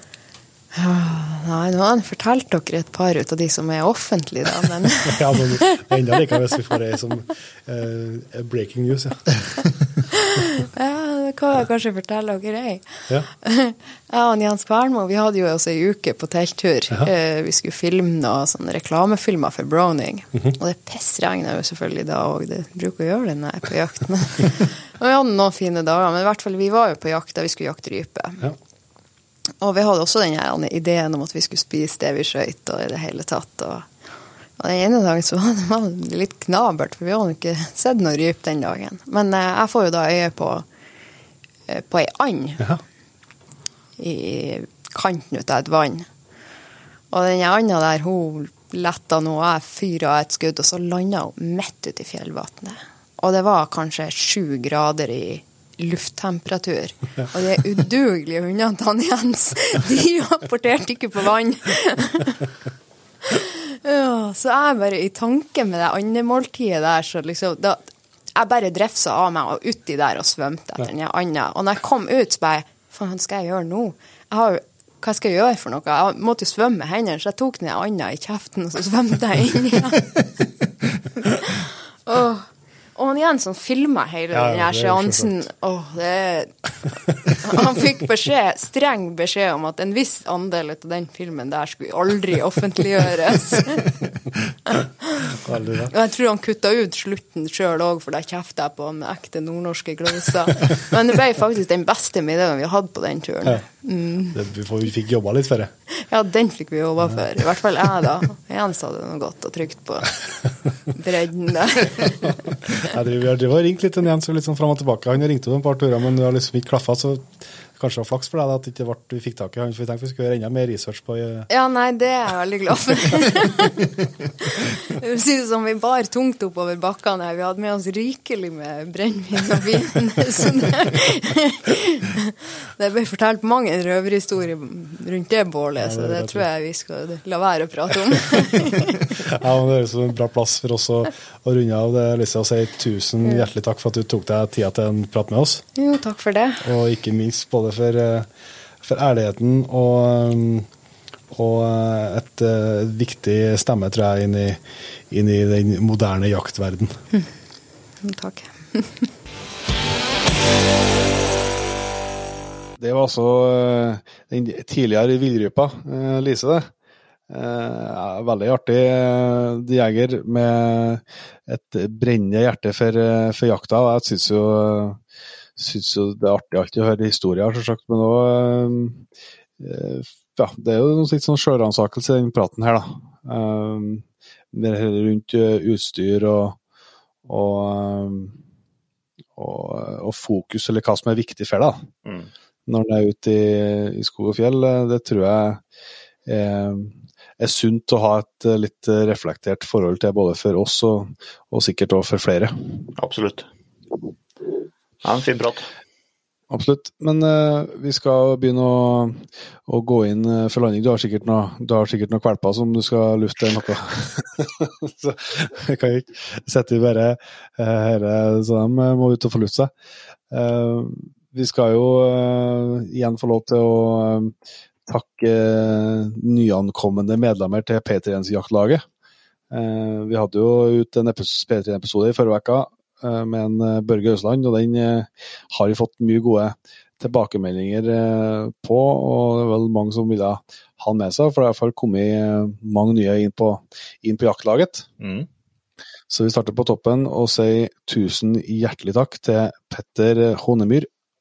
Audun Strand, Vidar Andersen, Frode Ingvoldsen, Robin Asklitt, Lasse Jensen, Lars Edvard Kvål, Jon Inge Flatland, Tor Aksel Ramsli, Simon Bergquist, Roger Engen, Kim Lyshaug, Martin Fredriksson Kvalvåg, Elisabeth Anderheim Hansen, Fredrik Kristiansen, Kristoffer Eide, Anders T. Aasgaard, Lasse Fur, Kristian Stokkenes, Sindre Midtun, Martin, Even Sletten, Revefanten, Geir Buer, Morten Hansen, Lars Sødal, Thomas Johannessen, Tor Anders Bysveen, Jørgen Svartebekk, Arnt Magnus Kamst Tom Erik Jensen.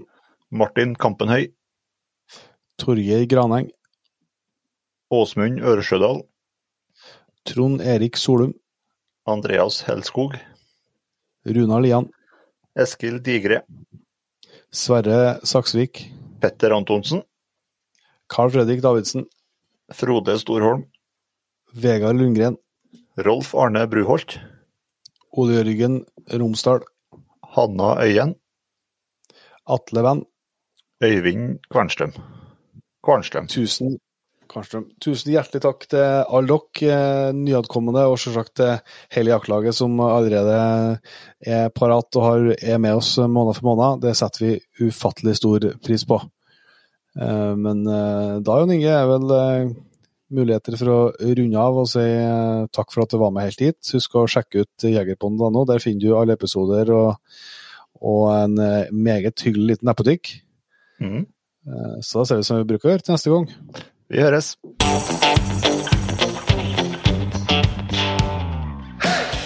Tusen hjertelig takk for at du valgte å bruke litt av tida di på Jegerpodden. Sjekk ut jegerpodden.no eller eh, din favoritt-podkastspiller for enda mer innhold og flere episoder. Følg også Jegerpodden på Facebook og Instagram, og ikke minst, husk å fortelle alle gode venner, familie og tilfeldige forbipasserende om Jegerpodden, sånn at vi får spredd det glade budskap videre. Vi høres.